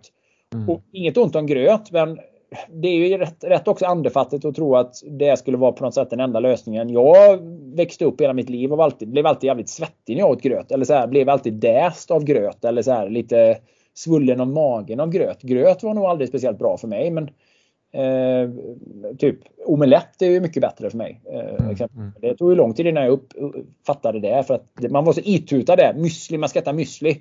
Jag vet inte hur många gånger jag sprang på toa, du vet, inne i buskagen. Man checkade müsli innan man skulle springa. Du vet, det var ju ballong, magen var ju som en ballong många gånger. Det bajsades hela tiden. Mm. Eh, men det var, ju den, det var ju det paradigmet liksom. Och sen så läste jag böcker och fick andra influenser. Triathlon var ju lite så här banbrytande ändå därför att så här, Ironman. För jag fattade, man fattade ju aldrig så här. Jag läste Arthur Forsbergs bok så här, Träna din kondition. SISU. Så här, mm, det, var, mm. det var mycket 70-80-tal och då var det så här. Ja, efter två timmar så händer det här i kroppen. Då tar kolhydraterna för slut. Och, vet, jag började läsa amerikanska triathlon-tidningar och så läste om Ironman. Jag bara, fan, hur är det möjligt? Vänta lite de simmar i 4 km i havet, går skitfort. De cyklar 18 mil, de håller nästan 40 i snitt. Och sen går de ut och springer maraton. Fan, Mark Allen gjorde Ironman-maran på Hawaii på 2.40 redan 1989. Hur är det möjligt? Han har ju simmat och cyklat innan. Det går ju inte ihop. Det står ju i den här boken. Det går ju inte. Gunde Svan har ju sagt ät gröt. Sen tar, det tar slut energi innan han åker en femmil. Här har ju fan Gunde Svan har ju hunnit åka femmilen, gå hem och duscha och sova en hel natt innan. Här, de med, här springer han maran på 2.40. Han har gjort det och det. Det är som om Gunde Svan har kört tre femmilar och sen ut och springa. Alltså, man fick inte ihop det. Och då tänkte man så här, men vänta lite nu. Det kanske är mer komplext. Vi kanske inte har alla svar än. Det kanske idrottsvärlden och den mänskliga prestationsförmågan är bredare än vad vi liksom har listat ut än. men så började, fick liksom mycket insikt i det här att vänta lite nu här. Kolhydrater, ja godis är också kolhydrater. Jaha okej, okay, men vad är skillnaden då? Vad är skillnaden på en limpmacka och en bulle? Nej, inte jättestor egentligen. Nej okej, okay, men varför äter vi det ena men inte det andra? Varför ska vi äta limpmacka men inte bulle? Bulle, fika ska man inte äta ofta men limpmackor ska vi äta många. Eller så här bröd. Ja, men det är konstigt. Vänta lite mer. Jag började intressera mig för det. Jag förstod liksom så här att ja men Olika saker påverkar olika hormonellt. Insulin kanske vi inte ska stimulera i onödan. Eh, fett kanske är väldigt viktigt för kroppen. Att vi behöver ha det för många olika sätt. Jag är uppväxt med det här lätta, det här lätt och lagom, lätta, fett är farligt bara vänta lite nu här. Hela naturen är ju fullt av fett. Alltså det är ju, djur är ju ät, fan, det fanns inget jävla lättmargarin i naturen. Eh, det, det, måste ju vara någonstans här. Hela, alltså, men det, det blir så här. Ja, ja, just det. Så funkar det. Fet mat blir man inte ens mätt av. Ägg, fan ägg är nog bra. Det här, det här fettet på det här köttet, det har ju alltid funnits där. Våra, vi hade ju inte funnits här som människor om det hade varit dåligt för oss. Våra förfäder hade ju dött ut. Sen blir det mycket så här som jag ifrågasatte. Eh, typ den här maten som eh, limpmacka. Det verkar vara egentligen något jättenytt. Eh, margarin på den mackan verkar också vara jätte, jättenytt som, som företeelse. Alltså det var mycket så här som jag bara experimentera med att testa. Kom fram till och sen så exploderade ju internet. och Man kunde läsa saker och ja. Så att hela grejen blev ju för mig så här. Mat som håller mig frisk länge kommer också vara bra för mig när jag idrottar i, alltså vi pratar i en vardagskost. För, för att mm. är jag frisk, är jag stark, har jag en bra återhämtning så kommer jag att kunna prestera bra. Eh, eh, men jag kan också prestera jättebra tillfälligtvis. Ska man nu köra en tävling, en Ironman, så är det klart att en, en, en laxsida eller en avokado har man inte med sig ut på cykeln. Nej, nej. Under, alltså, de få dagarna som man tävlar och går all in så är ju socker skitbra. Men grunden och fundamentet är ju att först överleva träningen och göra det bra. Att man, man kommer in och var frisk och stark. Och sen så liksom bränner man de här extra, ja man bränner sitt ljus i båda ändarna lite grann på tävling. Jag menar fan jag älskar Cola, Red Bull och allting på tävling. Jag älskar ju godis överhuvudtaget också. Så att, ja, så att jag, nu vet jag, unnar mig det som är gott när jag tycker jag älskar att dricka vin. Jag äter tårta. Jag, jag kan gå och köpa godis och äta sådär ibland. Men, men eh, mitt vardagsätande har ju väldigt lite vanlig stärkelse i sig. Jag äter inte flingor direkt. Jag äter inte så mycket potatis, ris. Jag käkar mycket kött käkar ganska mycket åt carnivore-hållet eh, och jag håller mig jäkligt stark i det. Ju äldre jag blir desto mindre kolhydrater till vardags vill jag ha. Jag, jag älskar att äta det. Alltså jag, jag, älskar bröd, vitt bröd. Jag älskar allt sånt som alla andra älskar också. Inte potatis och ris och sånt för det har jag aldrig tyckt var gott. Men jag försöker, det som jag ska äta ska vara, gröt skulle jag aldrig falla mig in och äta. Det, fan, vad Tycker du inte om gröt? Det, om, jag ska ha gröt, om jag ska ha kolhydrater ska de vara goda. Ska jag säga. Okay. Då vill jag alldeles, Polarmacka med Bregott-ost, det är gott. Mm. Ja. Men, men, men, men jag, jag, har ju sett liksom när du äter där, det är ju ofta ganska rött kött och det är eh, någon liksom sås till då, så att det, det är ju kött och, och, och fett och sådär. Ja, men, men, men, sås är det nog inte så mycket. Sås gör jag aldrig. Det kan vara Elin som har gjort sås då eller det kan vi ha haft något bearnaise. Annars är det väldigt lite sås. Jag är ingen okay. såskille så. Min Nej. kött, typ så här mardrömsrätten är ju så här eller så här, överstekt kött med rödvinssås som man kan få på restaurang. Det är fruktansvärt. Mm. Det, det äter jag inte. Nej men rött kött, jag gillar Jag tycker det smakar gott. Jag vill liksom inte steka. Jag gillar ju mycket tjocka biffar och det, det går liksom inte att steka igenom dem utan att de blir skittråkiga. Utan, nej men jag gillar att steka hårt eller vad ska man säga fräsa på det ordentligt eller grilla och, med vitlök och salt och peppar. Och, rött och härligt i mitten. Då kan man också känna att det är bra kvalitet. Genomstekta grejer kan man ju gömma dålig kvalitet. Men, men då får du ju väl säkert en hel del kritik när det gäller det här med, med hållbarhet och, och, och framförallt då så säger man ju också, finns det ju de som säger att det är cancerframkallande att äta rött kött och så vidare. Men hur, hur ställer du dig till det då? Men eh, det brukar jag bemöta om det är värt att bemöta det beroende på vilket sammanhang. En del Eh, citerar ju bara fel saker. Så det, där, det är ju som att säga så här.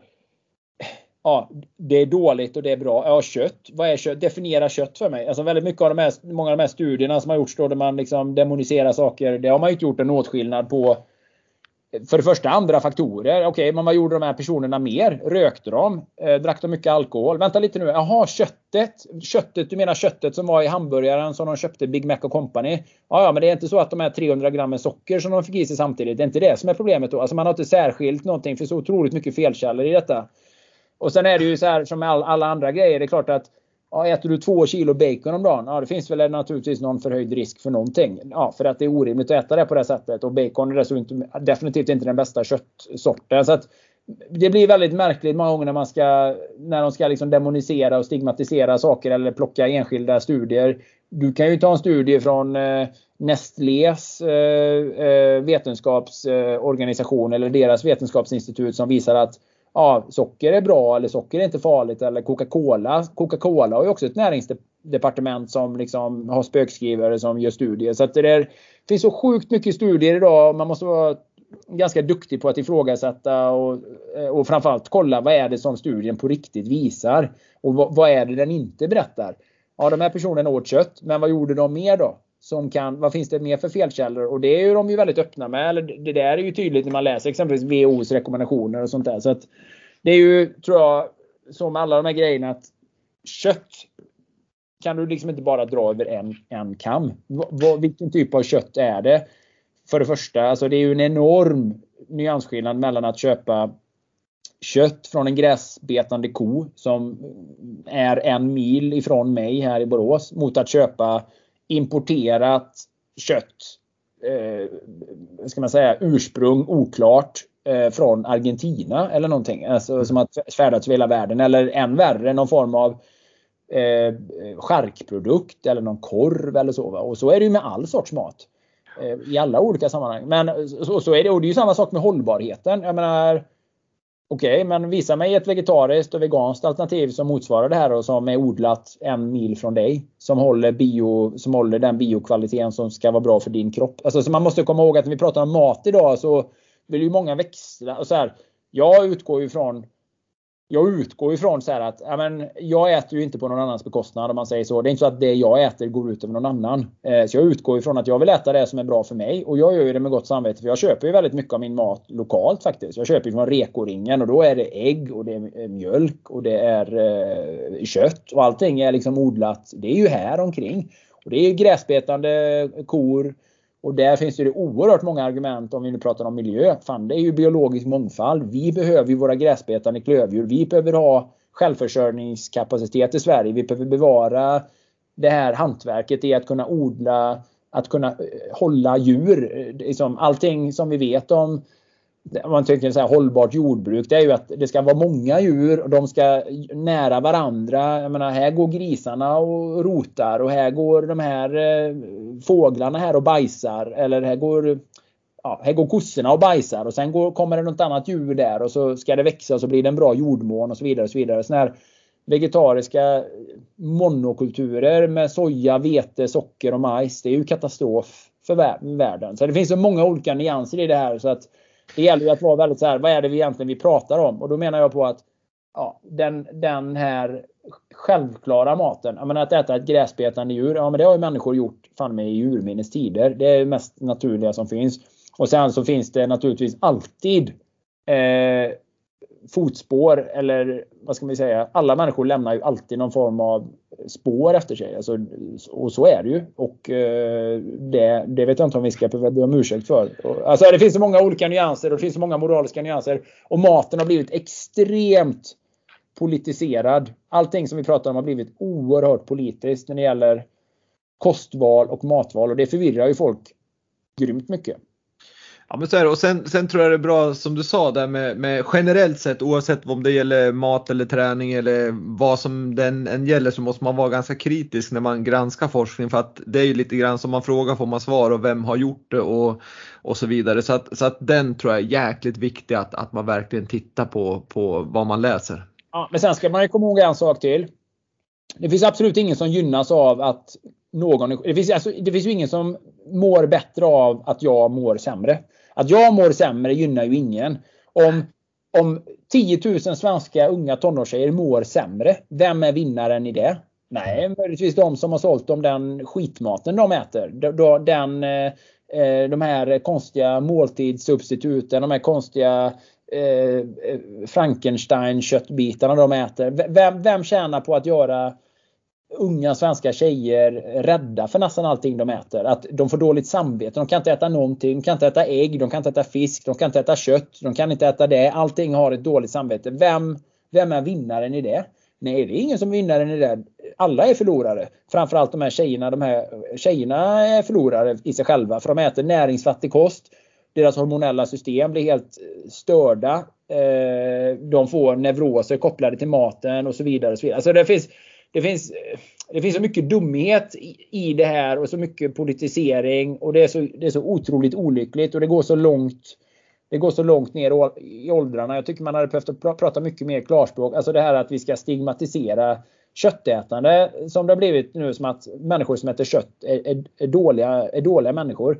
vad är det vi ska äta ändå? Ja, eh, vad är, det vi, vad är det vi ska äta istället? Ska vi sluta äta saker? För det ska gudarna veta att i alla former av jordbruksproduktion så går det åt otroligt många djur i den processen. Massa smågnagare och det ena med det andra som, som faller offer för skördetröskor och maskiner och så här. Så att det finns liksom inte vi lever liksom inte i en Disney-värld på något sätt. Eh, även där finns ju det sämre och bättre exempel naturligtvis. Men det är synd att många människor som växer upp idag får en väldigt skev bild av vad som är bra att äta. Det är synd att många växer in i neuroser, tvångstankar och framförallt i dålig hälsa. Det är otroligt olyckligt. Och vi har en väldigt stark ätrelaterad ohälsa.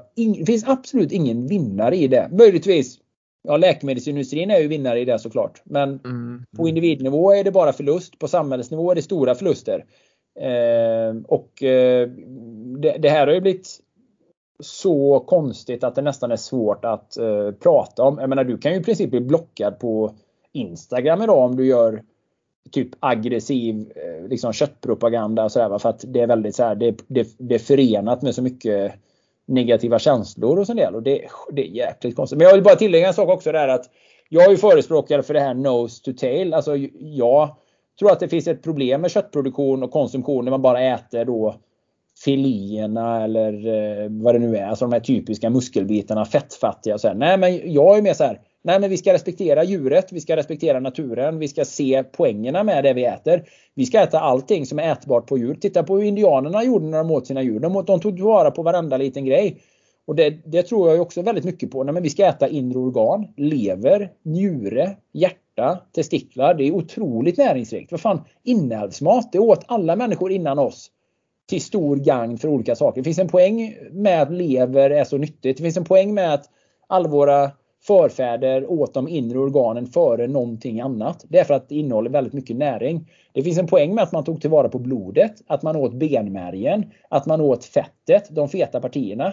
Så att mycket av det här som kanske går till spillo idag är sånt som jag köper och tar tillvara på och använder. Jag vill, jag vill köpa benmärg, jag vill köpa inälvor för att jag äter det. Liksom. Jag vill köpa det som man kan köpa, de feta partierna och det ena med det andra. Förstår du? Alltså, ja. att det, så här, det ska inte kastas någonting, det ska, det ska användas, det ska respekteras och eh, det ska vara högsta, bästa kvalitet. Liksom så, så att, man får ju närma sig den här frågan med liksom någon form av filosofi. Man får utveckla någon form av tänk kring det. Så får man ju vara väldigt självkritisk också med att, så att ja, eh, den här maten är god det här är gott. Det äter jag bara för att det är gott. Typ tårta. Ja, fan vad gott det är. Tårta, ja, det äter jag för att det är gott. Ja, men det är ju självklart man gör. För man äter ju bara tårta någon gång. Och det här äter jag för att det är väldigt nyttigt. Eh, eh, men det kanske inte är så gott. Eh, och, så. Men det här, och det här äter jag för att jag tror att det är nyttigt. Men det påverkar mig inte speciellt bra. Typ man får problem med avföringen, man får bli svullen i magen. Man, det finns en massa konstiga reaktioner man kan få med mat. Ja, men varför ska man äta det då? Man ska äta det som man mår bra av och som är konstruktivt och som är rimligt och som framförallt är logiskt någon form av laboratorieprodukt. Det är inte logiskt att det är bra. Det är inte rimligt och det är tvärtom rimligt att man inte mår speciellt lysande av det. Eh, att äta fett, kött, ägg, fisk, svenska rotfrukter, närodlade produkter. Eh, det är väldigt rimligt. Smör, grädde och så vidare. Ja, nej, men, och jag tror mycket, mycket kring det här med maten också. Det är väl att man, jag vet inte exakta siffran, men, men man slänger väl typ 30% av all, all mat som vi äter och det är väl där någonstans du säger att, att man måste ju ta tillvara på det och, och, och, mm. och, och hellre liksom använda det än kanske prata vad man äter i, i stora drag. Ja. Och närproducerat såklart, för där har vi ju en stor bov att man kör grejerna från eh, från eh, ja, Argentina och allt vad fasiken det nu är, hela världen runt. Precis, precis. där har vi ju en riktig poäng. Alltså, kasta inte mat. Se till att eh, laga inte mer mat och köp inte mer mat än man behöver. Och, eh, ja, där, jag menar, det kan vi ju spara oerhört mycket på i eh, kostnader. Men framförallt ät så mycket närodlat som finns. Stötta lokala producenter. Stötta inte de här stora kedjorna eller stora anonyma ansiktslösa producenter som satsar på volym. Stötta de här små hant hantverkskunniga producenterna som finns överallt i vårt land. Eh, svenska hantverkskunniga bönder och lantbrukare och eh, köttbönder och mjölkbönder. Det är de som är Sveriges ryggrad när det gäller livsmedelsproduktion. Det är där vi har vår självförsörjningsgrad. Det, det, liksom, eh, när de försvinner och när deras yrken blir för obekväma på ett negativt sätt där det, där det liksom inte går att försörja sig. Vem ska, vem ska odla maten? Vem ska föda upp djuren? Vem, sådär, va? Då har vi tappat det för alltid. Så det där är ju otroligt viktigt. Så det blir ju en samhällsfråga i, i botten faktiskt tycker jag då. Vad man, eh, fan, köp, jag, vet, jag tycker inte stötta någon laboratoriematproduktion med några diffusa konstiga produkter med extremt oklar agenda och eh, incitament. Jag tänker stötta den här lokala bonden som bedriver ett hantverk som har gått i arv efter generation i generation i generation. För att det är väldigt förståeligt, rimligt, logiskt och sunt.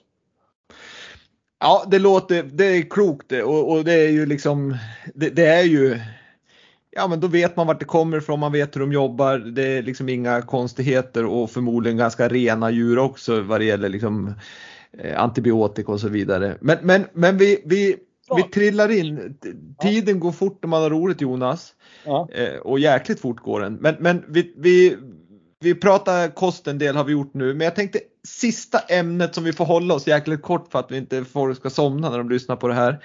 Det är ju eh, egentligen folkhälsan i stort då, och då tänker jag liksom mer på där, vi kan se en stor, stor minskning av liksom, aktivitet hos framförallt om vi tar barn men även vuxna. Att man sitter ju väldigt mycket både på jobbet, barn sitter, spelar ganska mycket istället för att vara ute och spela fotboll eller hockey eller åka skidor eller springa eller simma. Mm. Eh, vad, vad, är din syn dels på, på folkhälsan som sådan men, men vad är det liksom eh, Ja men egentligen vad är din syn på, på det jag räknar upp där? Ja, men alltså, det är väl bara att se så de här senaste åren nu när vi har haft covid och sådär. Eh, att, eh, menar, det är väl uppenbart att många människors allmänhälsa och mottaglighet för eh, liksom, sjukdomar och, och förtidig död har ju aldrig varit större tyvärr. Eh, och det hänger väldigt mycket på att incitamenten att röra på sig har blivit väldigt mycket mindre och sämre och bekvämligheten har blivit större. Maten, den dåliga maten har blivit tillgängligare och billigare än någonsin. Och eh, våra barn sitter mer stilla än någonsin. Och det går ju, det ju, ja, och det går väldigt, väldigt snabbt liksom utför på, på många sätt. De som motionerar motionerar jättemycket men den stora, den stora majoriteten av många människor sitter extremt stilla. Det nya normala har ju blivit att vara lite tjock. Det nya normala har ju också blivit att må lite dåligt. Och eh, det, det, det, där är ju så här, och det, ja, och, och jag tror att det är en kombination av det som vi har pratat om. Träning för många har blivit obekvämt. Man, man har också massmedia har gjort sitt till med att svartmåla träning. Med att motion är lite borderline. Man pratar om hets och stress och krav. Det blir lite så här, man har massa negativa associationer förknippat med det. Man eh, man har varit duktiga på att varna om baksidorna med träning. Det kan lätt bli för mycket och så vidare. Alltså man har liksom hela tiden försökt att eh, Ja, det, är, det, är, det, är, fler som inte rör sig än, än vad det är som har ortorexi till exempel. Ja, men absolut. Jag vet hur mycket skit jag fick för det när jag gick ut och bara sa vad fan ortorexi? Okej, okay, men det, det är väldigt få människor. Alltså visst, det finns människor med maniska beteenden och det, bygger, och det eh, grundar sig i psykisk ohälsa. Men eh, i normalpopulationen med människor som inte är diagnostiserade med psykisk ohälsa så är det ingen som dör av överträning i vårt land. Men det finns jättemånga människor statistiskt sett eller om vi tittar på vällevnadssjukdomar som dör av för lite träning eh, i sammanhanget då att eh, ja, det är för dålig mat, för lite träning, man dör en förtidig död eller man drar på sig en massa associerade sjukdomar, diabetes typ 2 och så vidare och så vidare, hjärt och kärlsjukdomar och det leder till eh, dålig livskvalitet och till slut döden. Eh, så att eh, det där tycker jag att det talas inte riktigt klarspråk med. Men sen är det ju också med maten. Alltså, folk, folk har ingen aning om hur de ska äta längre. Det, där, är ju, där är ju ett jätte, jättestort problem. Den bästa maten har blivit stigmatiserad. Folk är, många människor är väldigt okunniga, ointresserade, framförallt förvirrade. Alltså vi är det enda djuret på planeten som har glömt hur vi ska leva för att vi ska fungera. Hur glömt hur vi ska leva för att fungera optimalt. Jag pratar inte om att bara överleva, för det kan vi ju göra på många olika sätt.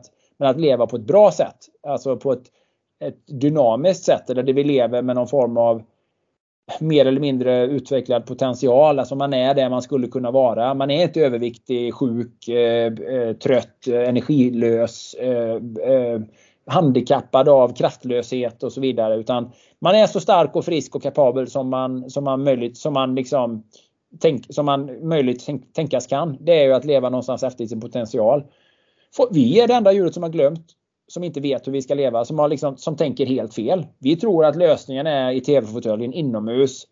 Eh, passivitet, äta goda saker, suga in liksom eh, suga in underhållning. Det självklara har blivit liksom konstigt och svårt. Bra mat, eh, kött och fett och rörelse, syresättning, att vara ute i naturen, att vara ute i solen, utsätta oss för eh, självklara påfrestningar, sova gott på natten.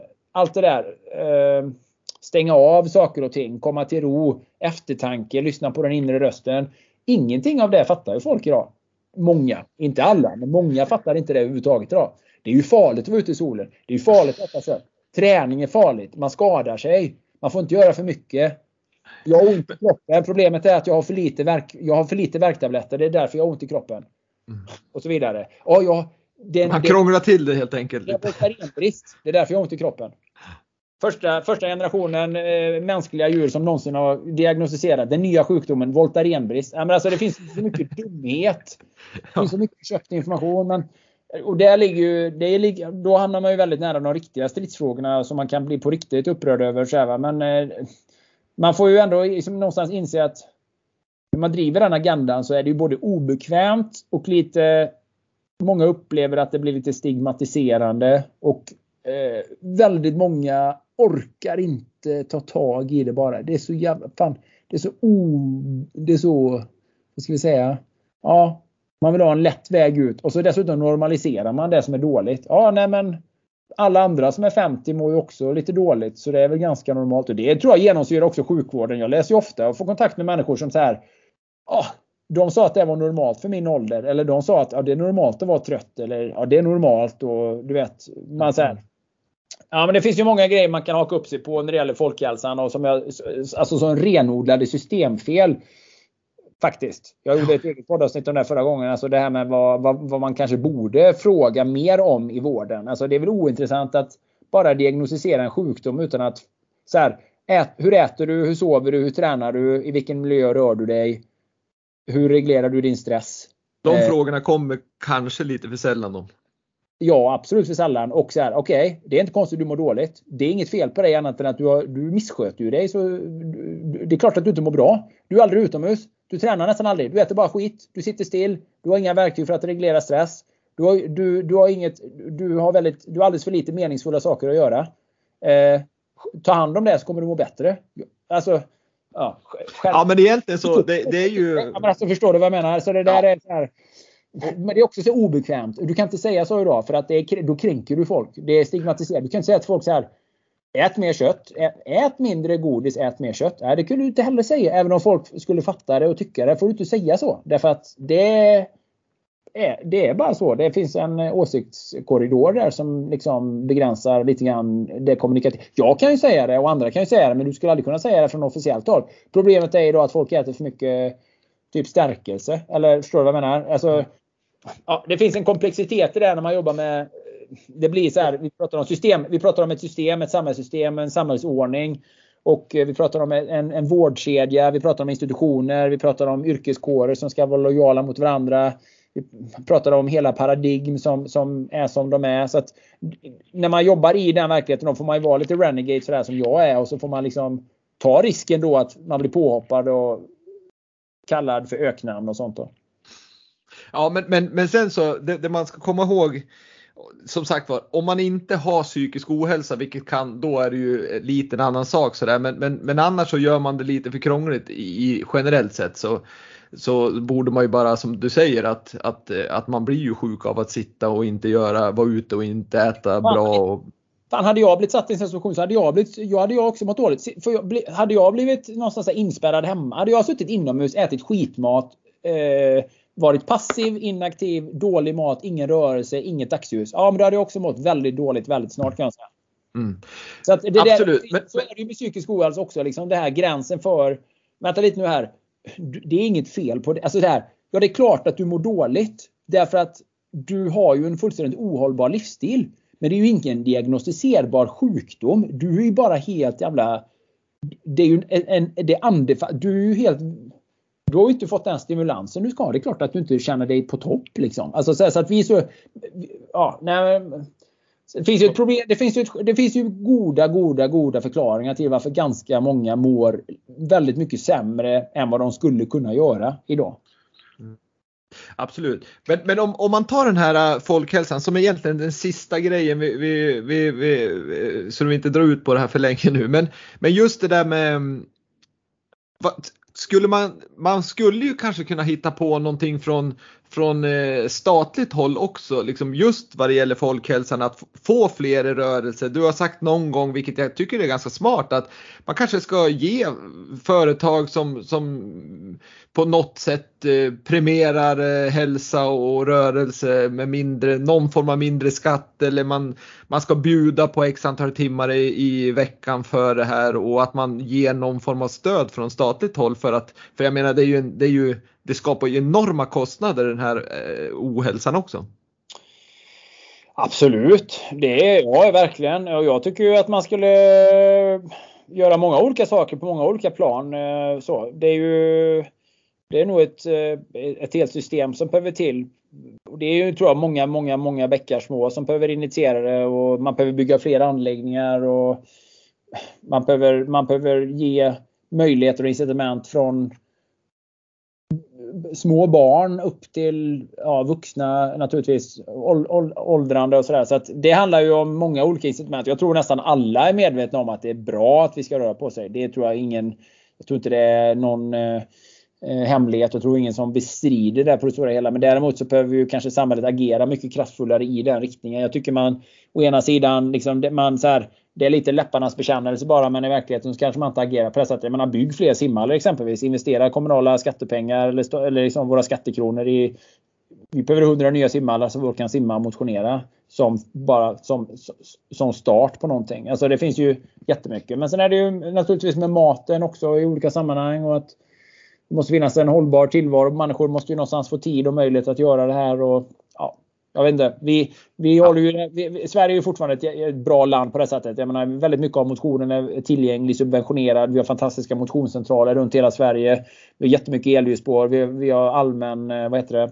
Allemansrätt. Allemansrätten. Vi har, liksom, all, vi har tillgång till sjöar, hav, vatten, skidspår, natur. Alltså, så att det är ändå hyfsat. Det är ändå väldigt bra. Va? Men att samtidigt måste, tror jag, ja, vi måste bli kanske lite mer bekväma på att vara obekväma. Och, men ytterst blir det också så här. Jag, jag är också ganska krass i detta. Jag tycker inte heller om den synen på att samhället ska sköta. Alltså det är fan, det är fan upp till var och en också. Folk får ta eget ansvar för sitt liv känner jag. Man får, man får liksom någonstans var, vara vuxen och säga så här och förstå. Ja, det är klart att inte jag mår speciellt bra. Jag kan ju inte förvänta mig att jag ska sitta i tv-soffan och äta chips och godis och inte sköta om mig och må bra. Jag kan inte förvänta mig att äta dåliga saker och fortfarande fungera bra och må bra. Jag kan inte förvänta mig att ha hög livskvalitet om jag lever mig sjuk. Alltså någonstans blir det ju så att samhället kan ju bara göra så mycket. Jag vill ju kunna ta fullt ansvar för mina val och eh, därför vill jag ja, och typ så här accountability säger man på engelska, men att jag skulle också vilja ha lite mer av det därför att jag tror att det är väldigt viktigt också. Alltså vi ska inte Vi ska också så här att förvänta oss att jag menar, det ligger ju alltid i individens eget intresse i att sköta, sköta om sin egen hälsa. Det är ju alltid individen som förlorar mest faktiskt. Så är det och där tycker jag vi knöt ihop den här säcken ja. lite grann. För vi, vi, vi börjar ju med, med just din uppväxt och, och, att du fick ta stort ansvar till träningarna och liksom att du inte var curlad. Och på samma sätt är det ju med folkhälsan att, att att eh, det är upp till var och en till syvende och sist. Liksom. Det är ingen som kan, man kan leda hästen till vattnet men den måste dricka själv ja. på något vis. Ja men så är det ju verkligen. Ja, men ja. Det, ligger ju, det ligger väldigt mycket i det och jag menar ytterst så Ja, men jag, jag, tycker folk får göra precis som de vill. Människor får ju välja sin egen väg och det är inte för alla att äta jättemycket och träna och kanske bara renodlad hedonistisk livsnjutning är vägen eh, så för vissa och kanske att då löper man större risk att leva ett kortare liv och, och kanske dra på sig sjukdomar. Men jag tycker ju alla får jag tycker alla får välja välja själva. Det som är tråkigt är ju om, om man liksom inte vet eller förstår eller så här, att, att må dåligt i onödan. Eller att, så här, och det absolut sorgligaste är ju när folk tror att det är normalt och att det är oundvikligt. Ja, det är så här det är att bli gammal. Eller det är så här det är att eh, ja, man ska, det är normalt att må lite dåligt. Eh, mm. Där är ju det väldigt tråkigt och synd, tycker jag. Ja, det är det ju. Absolut. När mm. de kan må bra av, av en annan livsstil. Ja, absolut. Men du, Ja, men precis. Alltså, så, så att ytterst är ju det det är ju det egna valet och sådär. Och jag kan ju tycka att föräldrar har väldigt stort ansvar för sina barn. Det pratade vi ju lite grann om tidigare. Men där, där har man ju någonstans så här, barn Barn är ju barn och det är det föräldrarna ytterst ansvariga helt och hållet. Jag kan ju tycka väldigt synd om barn som är 7, 8, 9 år som man ser som redan är ganska tjocka och obekväma i sina egna kroppar. Och det är ju synd för att det tycker jag att Fan vad, vilket slarv vilket dåligt föräldraskap det är. Även om man inte själv vill vara fysiskt aktiv som förälder så har man ett ansvar mot sina barn. Man behöver inte göra sina barn till elitidrottare. Man ska göra dem till friska, starka eh, människor bara som, som sen växer upp och får göra sina val när de blir vuxna. Men att ge sina barn sådana handikapp i tidig ålder att eh, Ja det är så jäkla synd tycker jag. Så där eh, kan jag också vara väldigt krass och tycka att där har man ett ansvar som förälder. Det är inte skolans ansvar. Det är inte samhällets ansvar. Det, det är fan ditt. Det är ditt ansvar. Du är förälder. Styr upp vad dina barn äter. Ge dem möjlighet att röra på sig. Initiera, uppmuntra, uppfostra, prägla. Smart, smart, smart. Mm. Jonas. Ja. Hörru du, en sista fråga här eh, innan vi ska säga tack och adjö. Men den ja. ställer jag till allihopa som är med i Vintersportpodden. Och mm. den är en kort, kort svar på och den lyder så här. Kan du säga en framgångsfaktor för att lyckas med idrott? Ja, jag kan säga många, många framgångsfaktorer men om man ska jag, jag säger så här. Eh, egendriv och tålamod är ju egendriv och tålamod. Det är en bra definition och sen tid och repetition är ju en annan också. Tid och repetition kommer man fruktansvärt långt med. Liksom så att, och det är egentligen det enda folk behöver. Det är tid och repetition. Och det är underförstått då att man är tålmodig, att man har kontinuitet. Eh, Mm. Kloka ord Jonas Kolting och det har varit otroligt kul att ha dig med i Vintersportpodden och eh, det har tagit några minuter, vi har kört på här men, men jag tycker det har varit härligt innehåll och vi har diskuterat härliga ämnen och ja. precis som jag sa så har du åsikter vilket jag tycker är härligt att, att, eh, att vi får en härlig diskussion och du har verkligen delat med dig av dina åsikter och det är jag väldigt glad och stolt över. Och jag önskar dig all lycka med vad du än håller på med, om du ska vara företagare eller dina framtida äventyr så önskar Vintersportpodden och jag dig all lycka. Ja, men tack så jättemycket. Kul att vara med. Eh, tackar så mycket för inbjudan och hoppas eh, att eh, de som lyssnar får eh, lite behållning och eh, lite nya reflektioner kanske. Det kan du ge dig på. Ha det bra Jonas. Tack ska du ha. Tack så mycket. Tack själv. Hej. Ja.